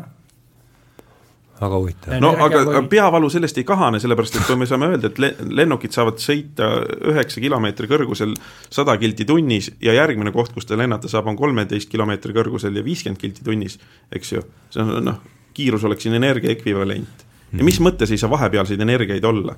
sest see oli, see on Newtonlikus maailmapildis samamoodi jabur et vahepealseid energiaolekuid ei saa olla. et see on nagu, nagu täie, noh, täielik pööre, jaburus, hüpe, et mingid no vahepealsed energiat ei ole võimalik. hakkasid ju pihta, mis ütles Jaak alguses, et Newton andis meile vahendid pidevate muutuste kirjeldamiseks, Newton Jaa. eeldab pidevat maailma, eks. ja siis oli maailm pidev, sest maailm oli modelleeritav reaalarvuliselt ja kahe reaalarvu vahele sa saad alati panna kolmanda reaalarvu, see on selle definitsioon. aga siis järsku reaalarvuline modelleerimine kaob ära, see on ju jumala jabur maailm. ahah ja noh, nagu ma ütleks, et kvantmaailmas kaob ära siis reaalarvuline modelleerimine. jah, on mingid tšakk ja tšakk, mingid äh, hakitud tükid, eks ju, sul saab olla üks energia või teine energia. vahepealset energiat olla ei saa elektronil no,. ma kujutan ette, kui suur teis, teisipidi tuli muidugi sisse see, et, et, et, et reaalse ja pideva maailma kirjeldamiseks osutusid vajalikud hoopis kompleksarvud jah ja., see Schrödinger hakkab ju kompleksarvudega. laine funktsioon on üldiselt kompleksarvuliste väärtustega funktsioon ja mis see füüsikaline tagamaa on, on selles, et, et, et mm, kompleksarv, kui tema abil mingit võnkeprotsessi kirjeldada, ta võtab ühte arvu kokku nii selle protsessi amplituudi kui ka faasi mm. -hmm, sellest sa rääkisid eelmises saates. et, et, et osakesed ka sellistel punktosakestel, no nüüd tekib nagu faas juurde, mis on nagu laineprotsessidele klassikaliselt omane. nii et äh, selline teisipidi moment ka. Äh, see kompleksarvu mõiste oli siis juba kusagil matemaatikutel juba valmis mõeldud varem, et see oli, see oli niimoodi riiulilt võtta? see oli riiulist võtta, tähendab äh, noh, nii nagu ka mm, väga huvitav nii Aga nagu ka noh, seal tehti erinevaid, Heisenberg tegi ju erineva kvantmehaanika variandi ähm, tema lähtus siis operaat-, asjsuurusest, mida ta operaatoriteks nimetas või, või või seda kutsuti ka maatriksmehaanikaks, sest need olid matemaatiliselt need, need asjad, millega tema opereeris, need olid matemaatiliselt maatriksid tegelikult mis Aha. siis kirjeldasid mõõdetavaid suurusi või, või mille abil sai mõõdetavaid suurusi välja arvutada mm. -hmm. Ja, ja, ja, ja noh, neid, neid erinevaid keeli või seal tuli neid pärast veel, tähendab. Äh, Feynman pani selle kvantmehaanika siis teatud. Äh, tema joonistas selle või? integraalidena mööda, mööda noh, temal olid, need olid need sellised kujundlikud graafilised ja, kujundid, aga, aga mm, teatud noh, trajektooriintegraalide kaudu või, või mingisugune, mingisugune suurus, mida rehkendati pikki mingisugust osakese liikumisteed, aga kui klassikaliselt oli osakesel noh, ainult üks võimalus määrata, kuidas ta sai liikuda, siis kvantmehaanikas läksid kõik need erinevad teed mängu eh, teatud tõenäosusega või õigemini ka sellise kompleksse väärt, kompleksarvulise väärtusega aga kust see kompleksarvu mõiste üldse tuleb, mis, kes selle taga on või? Seda oskad uh., seda peab järele vaatama. äkki, äkki on Euler? Euler või? võimalik, jah. võimalik, sellepärast et eks ju seda see lõhnab mingi kaheksateist sajandi järgi või? kaheksateist või üheksateist, eks ju, sest seda kompleksarvu tähis on E. ja seal on reaalosa, see imaginaarkomponent. jah, reaalarvuline imaginaarne komponent, eks no siin on, praegu tegelikult spekuleerin, ei pruugi absoluutselt. no saab, saab järgi vaadata, ärme siia takerdu, aga ahah mm. -hmm. Aga, aga jällegi niimoodi minusugusele keskmisele raadiole kuulajale, et üritaks selle kompleks, ärme siia takerdu, aga niimoodi paari sõnaga, et mis, mis tuum? see on selles mõttes jabur, et ta ei ole reaalarv teljel.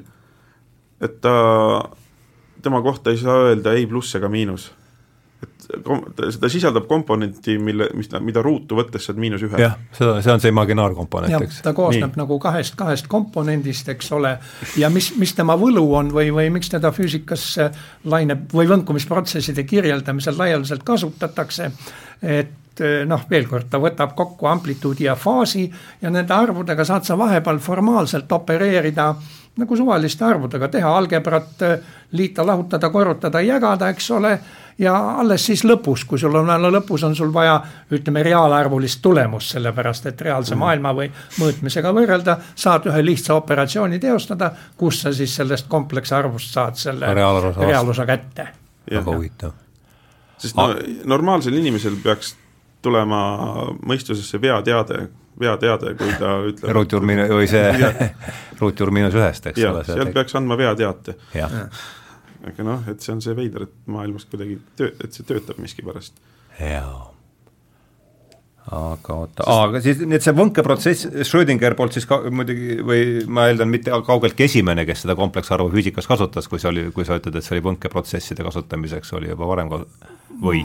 ma oletan, et elektrivõnkumiste ja taoliste asjade kirjeldamisel oli, oli teda kindlasti varem varem kasutatud mm nii, aga siis äh, lähme siis siit nüüd Bohri sellest vesinikuaatomi mudelist äh, edasi, et mis no, mis oli siis see suur küsimus, mis sellest Bohri vesinikuaatomi mudelist välja kasvas, korra, kordaks selle üle veel palun, et mis pidi ju nüüd rajama mingi uurim, lükkama mõtlemise mingisse suunda, et mis see, mis see küsimus oli, mis sealt no ma arvan, et see on, kuidas oli, kuidas on stabiilne aatom võimalik. kuidas on stabiilne aatom võimalik, jah. ja, ja see, see nagu see, mida Bohr välja pakkus, noh, oli selline Vigane. küllaltki kunstlik konstruktsioon ja loomulikult taheti siis mingit sellist sügavamat või ulatuslikumat või põhjendust sellele asjale, et et, et mis see siis nagu see sügavam teoreetiline tagamaa on nendele Bohri postulaatidele või postulaadile. -hmm kuidas on aatomi stabiilsus võimalik, jah ja. ja laengu mõiste oli see, mis, see on täiesti uus vastasmõju. ja tuleb Coulombilt. ja see lööb siis ikkagi, hakkab seda siis Newton seda vastasmõju siis ei tundnud veel või? no tähendab, ei noh, elektrit ja magnetit tunti küll no,, aga seda vaadati ka noh, et, et, et, et, ei olnud veel niisugust elektroni ja prootonit, eks ju, ei olnud elektroni ja positiivset tuuma see tuli Rutherfordiga alles või? no Ei. lõplikult Rutherfordiga jah, kes need sest, sest noh, need katsed, mida tegid seal need varasemad tüübid, eks ju, need noh, need on nagu koolifüüsikast hõõrud õhupalli vastu pead umbes ja näed, et tal tekib mingi omapärane omadus. No kus see elekt-, elektritüvi tuleb verevaiguga vast. jah, just selles, sealt see läheb ju all the way down, eks. jah, ja mm, noh, et lihtsalt tekivad mingid omapärased vastasmõõd, hakkab tõmbama üksteist ja mingi asi või seal tõukuma. ja need olid suurte makrokehadega, eks ju, et seda saad vaadata nagu mingit suurt omadust. just, jah, see oli suurte makrokehade omadus, jah ja. Nii, aga mis siis eh, edasi saab, et te pärast Bohri vesiniku aatomi mudelit tuhat üheksasada kolmteist, kuidas on aatomi stabiilsus võimalik? mis Tähendab, on järgmine selleks, käik? selleks luuakse noh, nagu ma ütlesin, Eh, rida erinevaid eh, kirjeldusi või, või mm -hmm. kvantmehaanilisi keeli või, või, või ahah, selle fenomeni selgitamiseks? selle fenomeni selgitamiseks mm. -hmm. ja need olulisemad on?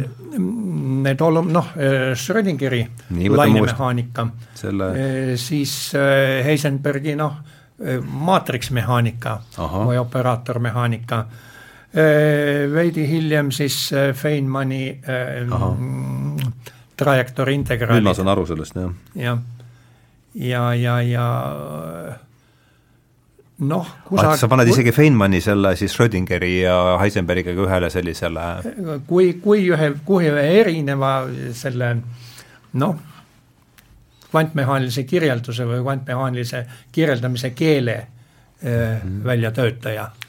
aga, aga mõneti, mõneti hilisem ja kusagil siis noh eh,, Eh, David Bohm ka põhimõtteliselt A, oma selle piloot, pilootlaine teooriaga, mis küll noh, eriti nagu läbi ei löönud, aga ka teatud võimalus. pilootlaine on ilus meeldejääv kujund. ja, ja, ja võib-olla üks veel, veel, veel üks huvitav asi on see, et elektron lakkab olemast kuulikene, mis seal juhtub eks ju. sest varasemalt oli ikka noh, milline seda aatomit modelleerid väik-, väikse pallikesena. millel on mingi omadus, noh nagu väiksel pallikesel saab olla mass. okei okay,, on teist tüüpi pallikesed, millel on laeng ka. aga see, mis seal nüüd aatomimudelitega, nende arendamisega kvantfüüsikas ära kadus, on see, et a, elektron lakkas olemast pallike. Tuum, tuuma võis veel pallikeseks jätta aga elektron ei olnud enam pallike, ta hakkas, laineomadused hakkasid ilmnema, eks ju või noh, lainetamise omadused ja mis on nagu hoopis teine asi kui mingi kuulike. see tähendab, sellepärast et laine ei ole ruumis lokaliseeritud. just. üks vastupidine asi toimus veidi varem ka eh, valguslainega, kui ja. valguslainest sai kuulikene Einsteini järgi, mis siis seda fotoefekti põhjustab, lööb, lööb Need on need footoni, footonite lugu? jaa, footonite lugu. ahah aga, aga see on ju seesama haig-, mis see Huygens ja, ja, ja Newtoni vaidlus valguse omadustest, seal ju, seal ja. Hügens olen ma Hügens, jah, jah, Hügens, jah, vabandust, jah, Hügens, jah, jah, jah, jah, jah, Hügens. jah, eks see oli ka nagu ja siin, siin oli ka need nagu väga suureks komistuskiviks oligi Newtoni hiiglaslik autoriteet. just, just. jah. jah, ja no kusjuures no tagantjärgi tundub see vaidlus muidugi totter, eks ju, et üks ütleb, et äh, vaata, siin on lestad all, järelikult on tegu pardiga, teine ütleb, et vaata, siin on karvad, järelikult on tegu imetajaga mm, -hmm. eks ju. aga nagu keegi ei tule selle peale, et tegu võib olla nokkloomaga. et ongi mõlemad omadused, eks ju, ühel ja samal tegelasel on, eks ju, et mõlemal oli õigus väga to to tolerantne, aga hirmus vaidlemine käis pikka aega. ja tal oli Goethega, no okei okay, ta jah, nad Goethega küll. See vaidlus oli ka. no Goethe, jah, Goethega muidugi, noh, Goethe oli ka hiiglaslik autoriteet muidugi. aga see aga noh, Goethe on, Goethe värvusteooria, see on, ma ütleks, kuidagi fenomenoloogiliselt korrektne. no täpselt. eks ju, sest no, Goethe oligi fenomenoloog. jah.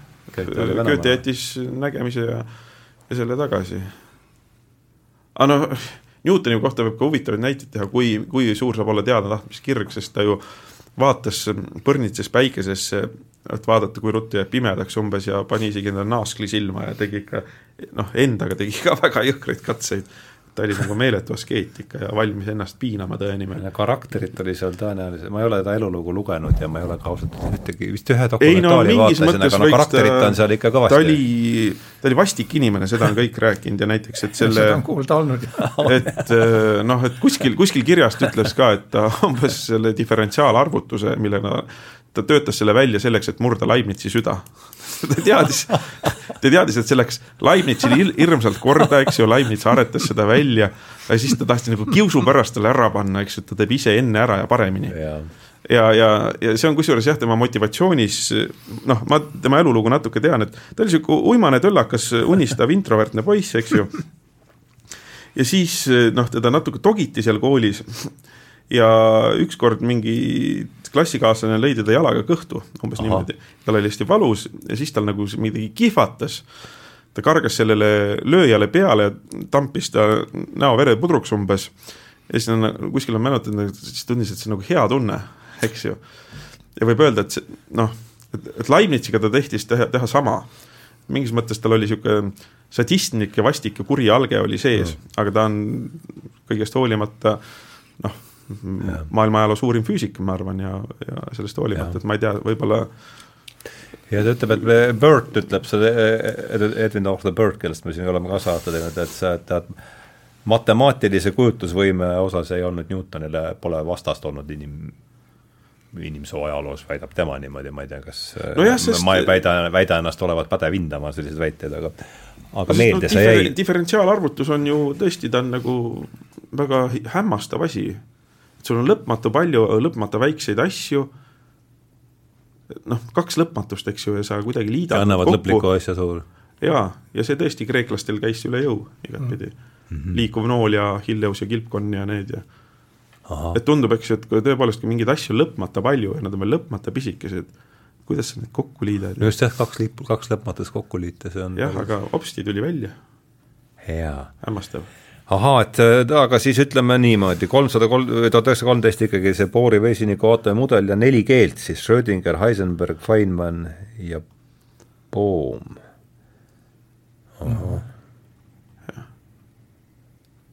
kas me jõuame kõik, kõik püüavad samast asjast rääkida nagu. jah, mingis mõttes, aru saada sellest, äh, milline see mikro, no see, mis seal murenema hakkab, on ka see maailma ühtsus siis tundus, et mikromaailm käitub hoopis teiste reeglite järgi kui makromaailm. sealt läks asi käest ära. et maailm ei ole ka selles mõttes pidev.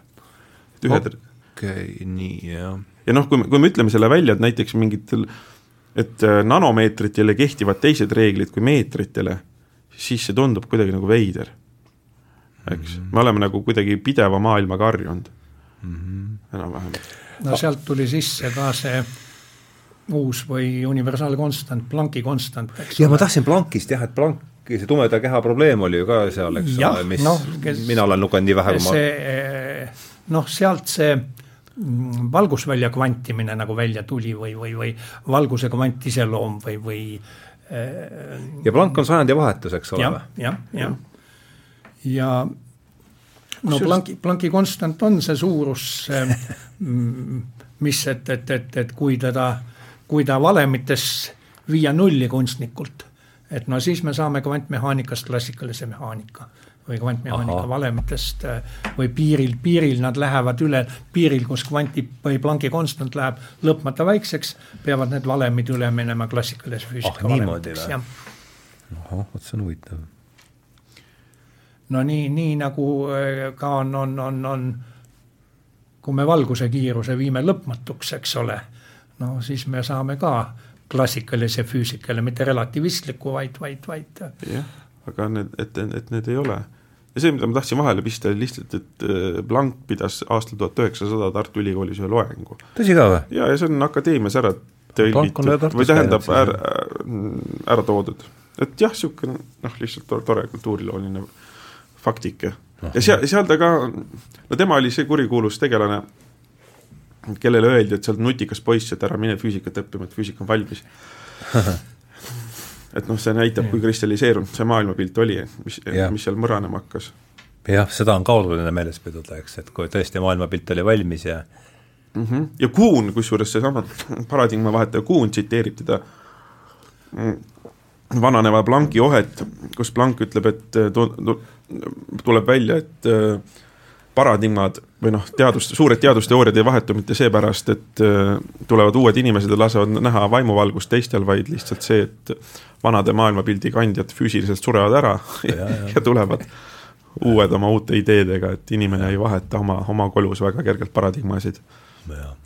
noh jah, Einstein on siin jah, ikooniline näide muidugi aga kui me nüüd läheme siit Boori vesiniku aatomimudelist edasi, et mis oleks järgmine selline oluline teetähis, et siis füüsika ajaloos samasuguse mastaabiga ja samasuguse mõjuga, mis sa, Jaak, sinna pakkusid? no sedakaudu, kui me seda äh, kvantmehaanika teed liigume, eks ole mm, -hmm. eritee oleks, kui me läheksime nüüd Äh, üldrelatiivsusteooria ja kosmoloogia ja, ja nende asjade kaudu, eks ole. kas meil selleks vist ei jätku? selleks meil ei jätku aega. vist ei jätku aega, jääme jah siis selle peale, kui alguses mõtlesin. selle kvantmehaanika juurde. Äh, noh, sealt tuli kõu-, kõigepealt tuli sealt äh, selliseid õige mitmeid uusi ja üllatavaid efekte välja, eks ole, määramatuse printsiip.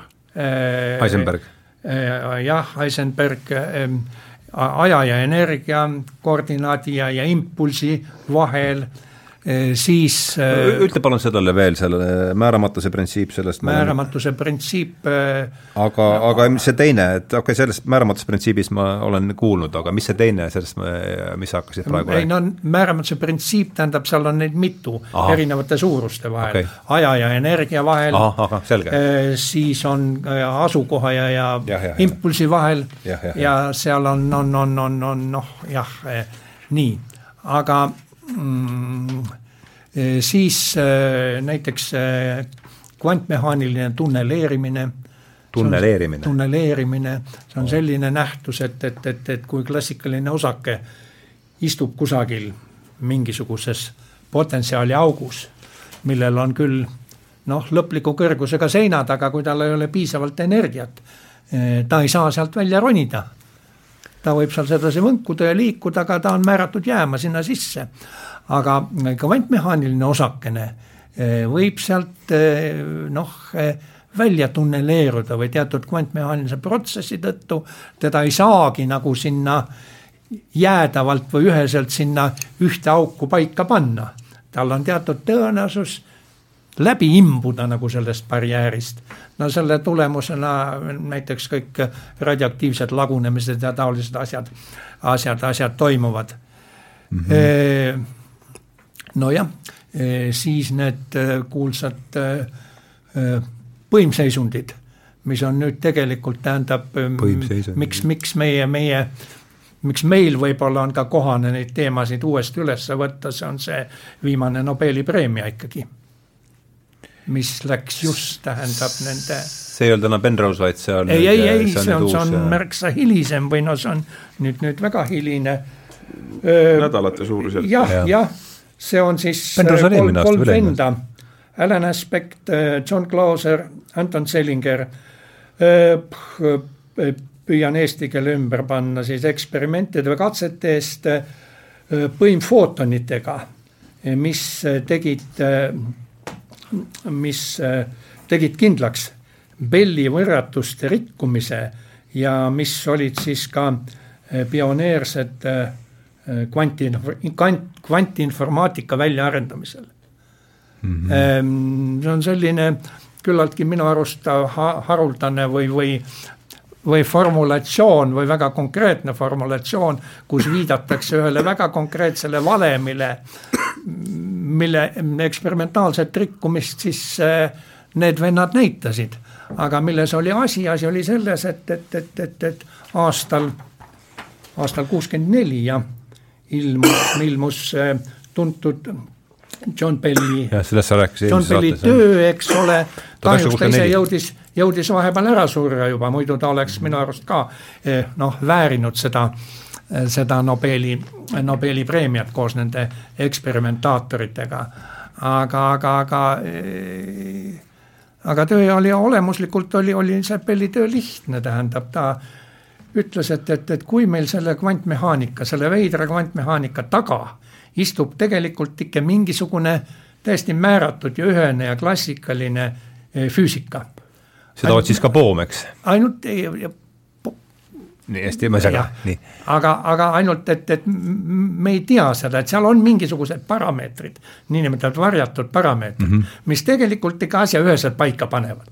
et kui me neid teaksime, et siis, siis, siis olekski kõik hästi aga mida Bell näitas, Bell näitas, et, et, et, et, et kui sellised varjatud parameetrid, ükskõik millised, aga et mis panevad asja üheselt paika ja lokaalselt paika olemas on, et siis see teatud, teatud katsetes, teatud kvantmehaanistes katsetes või teatud sellist osakestega tehtavatest katsetest, on need siis elektronid või footonid või äh, annab teatud nendest katsetest mõõdetavad korrelatsioonid peavad alluma teatud kindlale seosele või olema väiksed teatud kindlast piirväärtusest. no ütleme, et see on, see on kaks. kui, kui varjatud parameetrid olemas oleksid, ükskõik millised, no mhm. see selles mõttes, aga pärast katsed, mis näitasid, katsed näitasid, eksperimentaalsed väärtused tulid sellest suuremad. ja kvantmehaanika lubas või ennustas suuremaid väärtusi. nüüd mitte see, mis kvantmehaanika ilma nende varjatud parameetriteta mm. -hmm. ja see tõepoolest katsetest leiti, et, et, et nii on. see tähendab, et neid varjatud parameetreid ei saa, saa nagu olemas olla, mille Aha. peale Einstein lootis. õigemini. see on ju väga suur murrang maailmavaates, et maailm läheb ontoloogiliselt tõenäosuslikuks. jah, jah. ja sa väidad, et see on nüüd väli, see on nüüd selle viimase töö see kasvab sealt viimasest. see on, tähendab, see on, see on, see on see, see Belli, Belli töö. või seda näitas Bell, jah? Bell, Bell näitas ja ei, aga tänaseks on see väga kindlalt katseliselt kontrollitud. kusjuures need on tõesti sellised, sellised, sellised katsed, eks ole, tähendab, mille see füüsikaline nõudlikkus võib-olla ainult varem ainult matemaatilistele tõe, tõestustele püstitati, et peavad nii ranged ja olema, aga seal oli tõesti noh see piisava statistika küsimus, et, et äkki te kuidagi nihverdate ja valite sealt ise midagi välja või, või kuidagi ikka saab see vastuvõtja see mõõtja seal tuntud Alice ja Bob, eks ole. ja see Alice ja Bobi juurde ma tahaks tagasi tulla. et, et, et, et saab, saavad, saavad enne, saab ühe, üks teisele informatsiooni üle anda. aga need kõik on nüüd tõsikindlalt välistatud tegelikult nendes katsetes. nii et äh, see, et pellivõrratused rikutud on sinna ei ole miskit parata enam oota, kas, kas ma kontrollin, kas ma saan õigesti aru, kas Bell väitis seda, et, et ütles seda, et kui see et seda varjatud parameetrit ei saa olemas olla? ei, Bell ütles seda, et, et kui varjatud parameetrid on olemas, et, et siis peavad see noh, need, sa avaldasid tema äh, korrelatsioonid või see, mis ta seal Belli võrratus, et siis peab olema see teatud kindlast suurusest, no ütleme kahest, kahest väiksem. aga äh, aga jah. aga mm, -hmm. aga, aga kvantmehaanika, kvantmehaanika lubab ka suuremaid väärtusi, kui rehkendada nii, nagu need kvantmehaanika, kvantmehaanika protseduurid ette kirjutavad või, või, või meile ütlevad. ja katsetest selgus, et, et, et võivadki suuremad väärtused olla räägi, räägi, kuidas sina sellest aru saad, mina, mul on millest? sellest, mis Jaak praegu rääkis ja sellest, et no minu arust on need, need on kõik niisugused hästi sügavad metafüüsilised või maailmavaatelised asjad. et noh, näiteks, et kui sulle tundub, et mingi asi on statistiline hästi fundamentaalsel tasandil, siis sa ju tõepoolest saad postuleerida, et nad ei ole statistilised, me lihtsalt ei tea, mis ja. neid niimoodi teeb, mis neid niimoodi no, ehk on kusagil see varjatud kord. varjatud parameetrid, jah. varjatud kord põhimõtteliselt. jah, mingi varjatud kord on olemas. luulelisemalt väljendatud. ja siis äh, need katsed näitavad, et vähemalt sellisel kujul niisugust korda olla ei saa, eks mm. -hmm. ja võib-olla ma teeks siia kõrvalmärkuse niimoodi, et see, mida ma siin tahtsin oma üheksateistkümnenda sajandi lõpuga toppida, on see, et vahepeal tuli veel üks niisugune räpane asi sisse, see termodünaamika. jah, selle, räägi ära, see tundub südame peal no, olevat. sest ühelt poolt, mi-, mis nagu tundus, mis Boltzmann on mingi tuhat kaheksasada seitsekümmend või sealkandis või? jah mm, -hmm. et mis ajas seda kvantfüüsikat närvi, just üks asi oli see statistili või tähendab, maailma olemuslik tõenäosuslikkus et see on päris suur metafüüsiline murre, eks ju, et maailm on olemuslikult tõenäosuslik, mitte korra-, Äh, mitte korralik, sest tõepoolest see oli nagu võimas kristallpalee, mis sealt Descartesist, Newtonist ja Laplace'ist äh, kokku pandi. maailm oli hästi selge, korrastatud, perfektne, täiusliku matemaatika järgi, meie teadlaste asi on ainult see välja nuhkida õiged valemid. ühelt poolt läks see tõenäosuslikkus tuli sisse just selle kvantfüüsikaga, olemuslik kvant, olemuslik tõenäosuslikkus ja termodünaamika oli teine ka sealt tundus nagu kuidagi läks asi kuidagi räpaseks ja sealt tuli sisse ka ajanool eks ju, Newtonlik maailm on ilusti ümberpööratav. kas sa, kas sa noh, sa võid kõigile vektoritele miinusmärgi ette panna, kõik töötab täpselt samamoodi. eks ju, ilusti sümmeetriline ajatu maailm äh, on selle taga.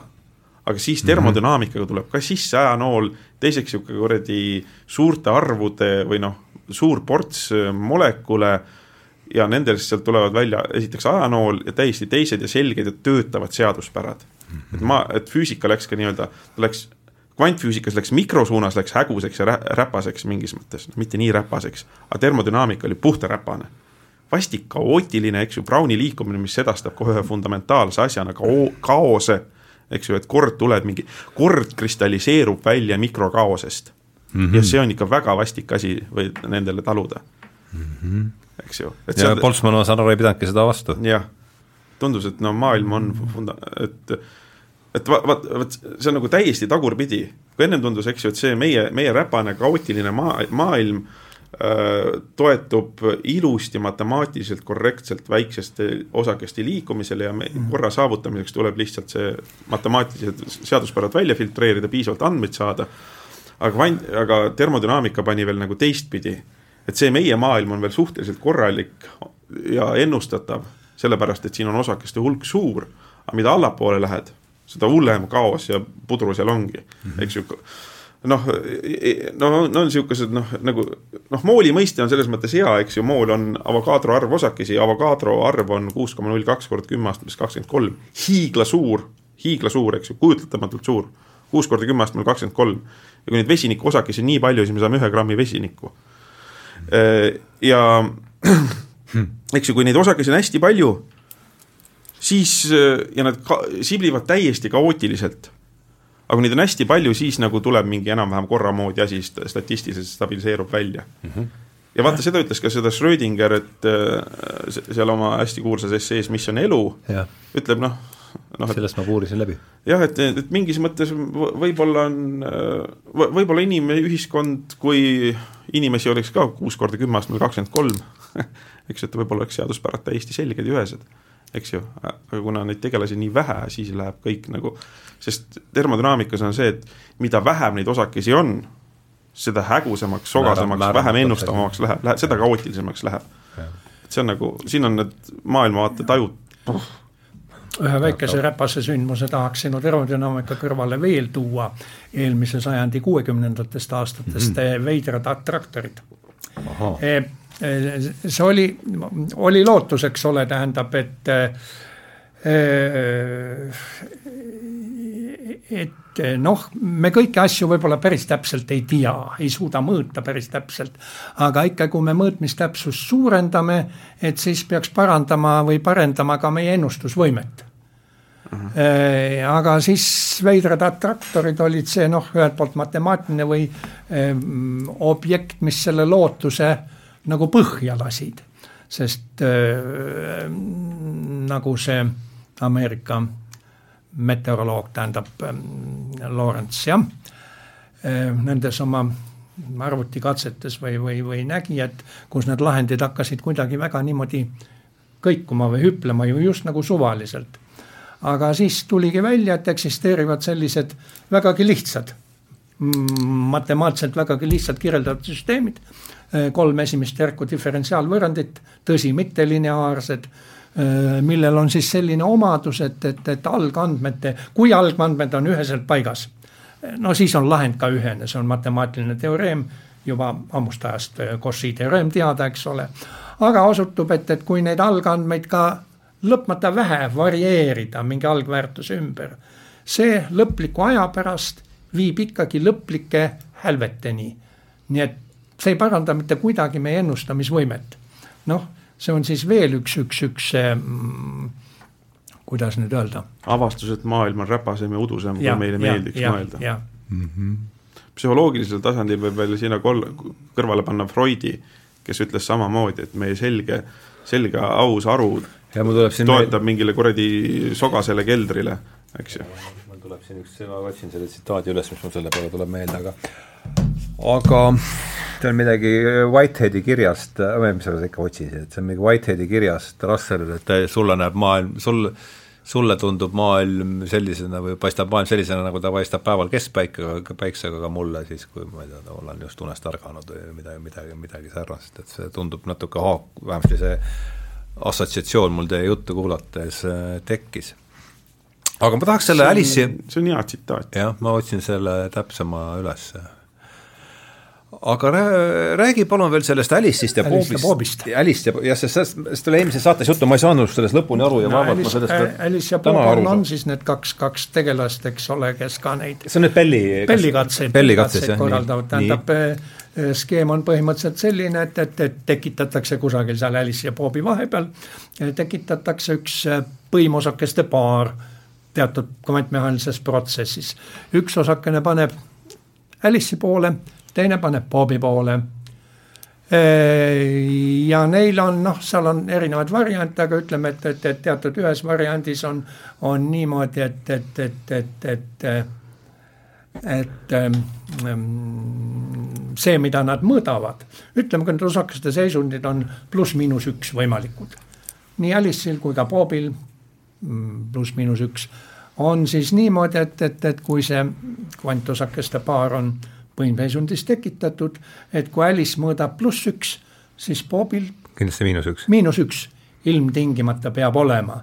noh, teatud nende mõõteseadmete äh, asendite või korrelatsioonide korral, nad võivad olla ka nii seatud, et, et, et mingisugust seost ei ole. et, et, et mm, -hmm. et, et mida iganes Alice mõõdab mm,, Bob võib, võib suvalist, noh, kas pluss või miinus üks mõõta. aga teatud asendis on, on siis niimoodi no et, et niipea kui Alice mõõtis pluss üks, samal hetkel mõõdab Bob miinus üks. et. ja see on samaaegselt? samaaegselt jah, ja vaat siin võib. kiiremini kui valguse siin, kiirus. kiiremini kui valguse kiirus ja siin võibki tekkida nüüd see küsimus, et aga kuidas niimoodi, eks ole, kuidas niimoodi ja, ja mõelda, et oot, et aga äkki me saame siin siis valguse, valgusest kiiremat eh, side mm -hmm. korraldada nende ja. vahel, sideliini, eks ole aga no vot ei saa, sellepärast et, et mida Alice saab teha, ta saab mõõta juhuslikke sündmusi. kas on pluss üks või miinus üks ta ei saa teha mitte niimoodi, et ta, ta nüüd keerab ise selle asja, seisund see pluss üks ja, ja siis Bob saab..., Bob näeb kohe miinus üks. vaat seda Alice teha ei saa näha, ta saab mõõta ainult seda, mis see eh, noh, kvantmehaanika talle ette söödab mm. -hmm. ta näeb mingi juhuslike number, juhuslike numberitega raatoreid. ja võib, võib küll teada, et, et Bob näeb täpselt mhm. vastupidist numbrit, aga see ei ole informatsioonivahetus nende vahel. ahah, nüüd ma sain aru sellest jah ja, ja. noh, niivõrd-kuivõrd jah, aegadest paremini aru jah. jah, see on see, see, see, see asjaolu, aga muidugi tähendab jah, need on pellivõrratused ja nagu sa viitasid, et nagu sellised äh, ühtepidi väga sügavad fundamentaalsed või peaaegu filosoofilised kvantmehaanilised probleemid. aga teisipidi ikkagi see kogu see kvantinformaatika ja kvantkrüptograafia ja kvantside ja, ja areng, mis üheksakümnendate algusest eelmisel sajandil tegelikult lahti läks, see on sellele ikka väga-väga kõva praktilise huvi ka nagu taha pannud mm. -hmm. ja kvantarvutite arendamine ja, ja, ja noh, eh, sellest eh, kui tahate palju segasemat ja keerulisemat, aga ka täpsemat juttu kuulata, siis võtke lahti Uute tv mis asi? UTTV, Tartu Ülikooli televisioon. toksige sinna valikusse Nobel sisse ja te saate Aha. esimese valikuna, tähendab selle füüsikumi seminari, kus siis kolm füüsikut, keskmine neist oli Peeter Saari, esimene Lauri Järv ja kolmas oli, oli ähm, noormees, kes praegu Aalto ülikooli ühes idufirmas, ta lõpetas meil, tegi Zürichis vahepeal doktori, aga nüüd seal äh, Aalto ülikooli idufirmas kvantarvutit arendavad. no edu neile. nojah, eks nad. no aga kusagilt on peab pihta hakatud kõikide asjadega, eks. jah, vaata Pope'il oli üks, oli minu arust Aleksander Pope'il see luuletus, et saagu Newton kõik helendama lööb või jah, mul tuleb küll see Pope, see oli vist Pope küll jah, et äh, Saagu valgus ütles nii, ja midagi jah, ma jah, eks see umbes, Newton ütles Saagu valgus kõik ja, jah, pigem nii. ja, ja kõik lööb, lööb selgeks, aga see, mis kvantfüüsikaga ja termodünaamikaga tuli, oli niimoodi, et kui sa lähemalt vaatad, läheb kõik segaseks ja sogaseks tagasi. Sest see üheksateistkümnendasse sajandisse võib-olla jäi see valgustusliku entusiasmi kõrgaeg, maailm tundus hästi selge ja pärast läks ta igatpidi nii uduseks ja häguseks ja räpaseks tagasi. aga kui sa nüüd luuletamise peale nagu viitasid, siis ma vahepealt leidsin, et seesama James Clerk Maxwell, keda me siin vahepeal põhjasime ja süüdistasime, on ka luuletusi kirjutanud sel, sellistel füüsikalistel teemadel, ma nii, nii. Paar stroofi loeks ette, eh, mis kirjeldab siis nüüd, kehade liikumist ja põrkumist. Given a body meet a body flying through the air. Mm-hmm. Given a body hit a body, will it fly and where? Given a body meet a body, altogether free. How they travel afterwards, we do not always see ja võtab kokku nii ühte, ühte ilusasse kujundisse kokku selle, mis me siin oleme täna. vemmalvärsid. ilusad vemmalvärsid, jah. ütleme, et okei okay,, Goethe oli luuletajana suurem aga Goethe iseennast pidas muidugi palju suuremaks teadlaseks kui luuletajaks no,, jah. jah aa, aga siis oli ju veel see ja-, noh, sellest ei jõua rääkida, aga Youngi, kui me siin ajatelje peal läksime, Youngi katse oli tuhat üheksasada, tuhat kaheksa, tuhat kaheksasada kaks, ma mäletan. See kahe, kahe pilu katse, kaksikpilu katse, jah no see oli jälle üks niisugune, mis on kohutav peavalu, eks ju. asi läheb see ja sealt, vot seal tundub äh, veel noh, ühenduskoht, eks ju, see termodünaamikaga, vaadake, et pilt hakkab üha selgemaks minema siis, mida rohkem sa neid e-, elektrone sealt läbi piluda kupatad. et sa kupatad ühe, ühe elektroni pilust läbi, sa ei oska üldse ennustada, kuhu ta läheb. aga kui sa neid piisavalt palju lased, siis tulevad suhteliselt okeid, äh, suhteliselt äh, selged interferentspildid, eks mm. -hmm. ja, ja siin, siin on, vaata, vaadake jälle, kui me, kui me võtsime niisuguse Laplace'i aja, siis on ju kõige parem, kui sa saad ühe keha, sellele liikumisvõrrandid ja kõik on nagu täiesti selge.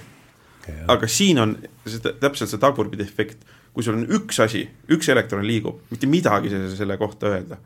elektronkiire kohta veel saad ja elektronkiir on siis mis asi, elektron? kus on palju elektrone voogab siis, eks ju et noh, et asi läheb selgemaks siis, kui on palju, siis keskmistub kuidagi selge, selgem pilt välja. jah, ja mis mulle eriti meelde, on see, et see tõenäosus ei näita, näita mitte seda, kus see pallike on, vaid kogu see elektron ise on laiali määritud Aha. kogu vaid kus ta, kus ta nii-öelda detekteeritakse või noh, see täpp on see, kus ta laiaks lüüakse.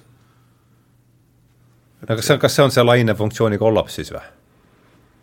Nii vähe, võib-olla ma kasutan. no tähendab, lainefunktsiooni kollaps on, on, on, on see protsess, mida ta... siis mõõtmisaktiga seotakse või, või, või sellega. see, kus ta lõpuks on ikkagi see punkt, punkt leitakse, eks ole.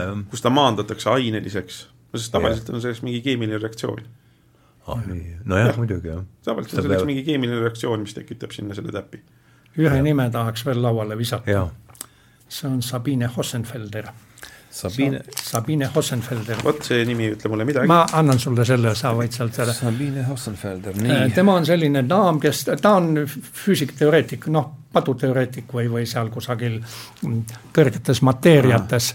aga ka selline noh, ilmselt kereda olemisega daam või tal on, tal on nii õige mitmetes küsimustes oma sellised nägemised või, või, või, või lähenemised ja, ja nii et talle äh, poleemikas ilmselt äh, ära sõrme väga suhu pista. või kui suhu pistad, mis siis juhtub? siis juhtub see, et ta paneb su laulu sisse. sest tal on, tal on ka mingi Youtube'i kanal, tähendab, eh, kus, kus sa võid, sa võid selle endale jätta. Ja, ja, ja, ja kus ta on siis ka mitmesugused sellised, seal ole palju, aga nii, nii originaalloomingut, eks ole, kui ka mingisugused cover'id, mis ta sinna teinud on ja aga noh, ta on, ta on, ta on, ta on. ja siis teoreetilisest füüsikast. teoreetilisest füüsikast jah, tähendab, ta on ka kvantmehaanika ja tal on siis ka mingisugused noh, selgitavaid, Youtube'is on ka palju selliseid selgitavaid lühivideosid väljas või mitmesuguste probleemide kohta, ka nende kohta, millest me siin täna rääkisime. see on päris julgust-, saksa füüsikateoreetika autor, muusik ja Youtuber see kõlab no, päris huvitava on... kombona.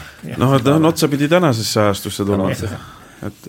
no aga tuleb, peab ju ilmarahvale selgitama, mis äh, toimub äh, valgete kitlite all, ega muidu see ju noh. jaa, me ei saa siin papüürusesse kinni jääda ja,. jah, jah, just nimelt. nii, aga meil on nüüd siis, peaksime viieks ära lõpetama, et minutit viis-kuus, võib-olla paar minutit üle ei juhtu ka midagi, maksimaalselt kümme, et kas selle kuidagi selle jutu kokku võtma täna, kuidas seda teha?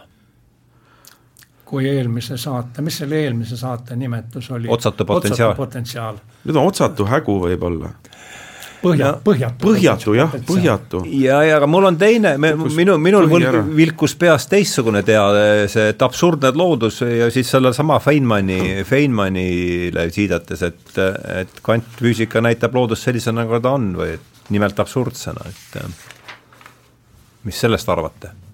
mis üldse Fein-, Sul... kas Feynman ütles nii või? Feynman on niimoodi öelnud jah, ma täna vaatasin ah,. ja no võimalik, võimalik, ei taha vastu vaielda. jah äh, ja võib, võib-olla, võib-olla veel see ka, et äh, ei ole, et täiesti elus on see traditsioon, mis usub, et äh, olemise põhja saab matemaatiliselt ära kirjeldada. ja siin ma viitan praegu olemise neljanda, neljanda novembri Sirbile selle aasta oma, kaks tuhat kakskümmend kaks kus siis äh, äh, akadeemik Martti Raidal, Keemilise ja Bioloogilise Füüsika Instituudi juhtivteadur ja Kristjan Kannike, Keemilise ja Bioloogilise Füüsika Instituudi vanemteadur, räägivad ühest katsest veeposoni massi kaudu kvantmaailma uutest tulemustest. et kas tehtud on kauaoodatud avastus, üles leitud uus füüsika või on tegu mõõtmisveaga. Nad jäävad skeptiliseks, et tegu võib olla siiski mõõtmisveaga või mõne logiseva juhtmega aga isegi kusjuures see logisev juhe ei ole, ei ole nali, sellepärast et äh, ma loen siit ühe lõigu ette, toome mõned näited. mõned aastad tagasi avastati neutriinod, mis liiguvad valguse kiirusest kiiremini. selline asi tähendaks Einsteini relatiivsusteooria lõppu ja kogu meie maailmapildi ümbervaatamist mm. -hmm. ma mäletan kusjuures seda sahinat veel siis. nii drastilisi meetmeid siiski vaja ei läinud, sest tulemust seletas süstemaatiline viga, logisev juhi, juhe et oligi üks lohisev, logisev juhe. ja siin nad nüüd mõtlevad, et eks ju, et siin oli ka nüüd veeposon, veeposonit, et kas seal, et kuna tema mass mõõtmisel osutus standardmudeli ennustustest nii erinevaks, et kas nüüd tuleb uus, uus, uus füüsika. ja nad ka siis ütlevad rahustavad, vaatame, et võib-olla mõni juhil, juhil loguseb, et mm -hmm. kontrollime paremini. ja näed, ja siis üks väide siit huvitav jälle. uus tulenu, tulemus erineb standardmudeli ennustusest sedavõrd, et võimaldab väita, et standardmudel ei kirjeldagi reaalsust täielikult. sest see tähendab, et on ühtlasi elus siiski veel usk ja lootus, et standardmudel kirjeldab reaalsust täielikult. et see mudel ei ole kuhugi kadunud või see usk. ja ma arvan kusjuures, et see usk on vajalik, eriti sihukestel, kui sa oled tõeline teoreetilise füüsika teadur, siis on vähemalt instrumentaalselt tervislik sellesse uskuda sest muidu sa ei viitsi, sest minu arust nagu tuleb meelde Paul-Eerik Rummo luuletus äh, Kinni hoides, tuleb, tuleb sulle see luuletus meelde või? ma, mina ka peast, ma kunagi mäletasin seda peast, aga ma nagu kinni, kes saab kogu aeg Marxis kesku ees, kes saab ta-ta ja, ja väga ilus, suurepärane luuletus minu meelest. kinni hoides, jah. sest ma mäletan, kui mina enne õuna kinni hoidmas puust õhuakrobaati teise suust, nii ta hakkab pihta, jah, jah super, väga ilus, väga ilus. aga teeks, võta, läheme siis viimase küsimuse juurde, nüüd mul tuli meelde, kuidas asja, idee, kuidas asja ära, ära lõpetada, Will Durant, Ühendriikide filosoof, filosoof on lugusid loo, mitte loomadest, vaid filosoofiast pigem ikka, on tema see on öelnud, et kahekümnenda sajandi filosoofia on füüsika ja psühholoogia vastasseisu lugu. kuidas, andke palun paari mängige selle palliga palun natuke, midagi sellist, et kahekümnenda, kahekümne või ütleme, uus filosoofia on füüsika ja psühholoogia vastas see lugu, midagi sellist enam ei ole täpne tsitaat, aga midagi. kuidas, kuidas teie sellest aru saate? ma saaks olla nagu hästi kohutavalt halb intervjueeritav selle koha pealt, ma vastaks lihtsalt jah ja.. nii no,, fair enough. Jah, kui, kui, kui psühholoogiat me käsitleme kui sellist eh, inimliku olemuse kokkuvõtet või, või, või, või kogemuse kokkuvõtet või eh, siis see tõepoolest, see kogemus läks ju vastuollu kahekümnenda sajandi füüsika, füüsika arengute või, või tulemustega või, või seisukohtadega. ja ma ütleks lihtsalt ka, et see et noh, psühholoogiale kukkus sama, hingel kukkus samamoodi põhi alt ära. ma mõtlen niisugusel psühhofenomenoloogilisel, eks ju Freudiga, Freud ütles, et eks ju, et on mingid alateadvused, värgid ja kõik hakkasid kinnitama, tuletati julmalt meelde unenägusid, et kuulge, vaadake, see on ka psüühika osa ja nii edasi. siis Jung, eks ju, kogu see evolutsioonipsühholoogia tuli sisse ja tõepoolest, ega sealt ka mina ütleksin, et pigem sellest kartesi-, mina, see, see no pigem sellest kartesiaanlikul pilja, piljardipallil, et mis ütleb, et teadvus on suletud meie kolpa, et sellel ja see, ma, mulle, miks see teema meid tegelikult huvitab, on ju see hoopiski see, et mulle tundub, et mida, et me, et see, et kuidagi see, see kvant revolutsiooni viljad hakkavad nüüd jõudma sellisesse massipsühholoogiasse kuidagi üldse, meie maailma tajusse ja no,, ja, ja mulle, mulle tundub, et see on sihuke, sest äh, Stanislav Grof äh, on öelnud, et, et sellel ajal, kui füüsika tegi läbi, eks äh, kahekümnenda sajandi alguses revolutsioonilise muutuse, jäid kõik teised teadusharud, mis olid seni füüsikat enda eeskujuks pidanud, kinni seitsmeteistkümnendasse sajandisse, ehk siis Descartesi juurde, et võib-olla sellele, see võib-olla see inspireerib vähe pikema vastuse sult, Mihkel, ja, ja, ja ja mis sa no, sellest mõttest arvad? siis niisugune mõiste nagu physics envy või füüsikakadedus on ju täiesti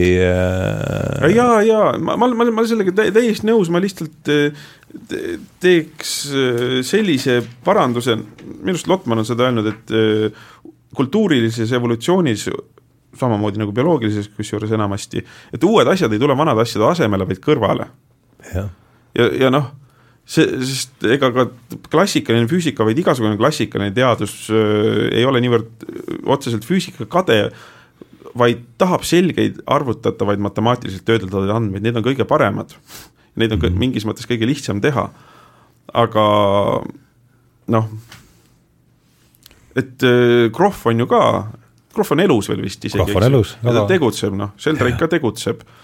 Jung tegutseb, Jungi, Jungi järgijad tegutsevad, kõik noh, Alar Tamming tegutseb, möllab, eks ju, lihtsalt nad ei ole kuskil võib-olla nii suurte aktuaalses kaameras ei ole iga päev ja seal on jah, see ongi see, et see ilmselt see hakkab jõudma aktuaalsesse kaamerasse, kogu see, see, see teema ütleme selle kvantver-, ütleks nii, et kvantver- ja Aktuaalne kaamera muidugi kujundina loomulikult mõeldud.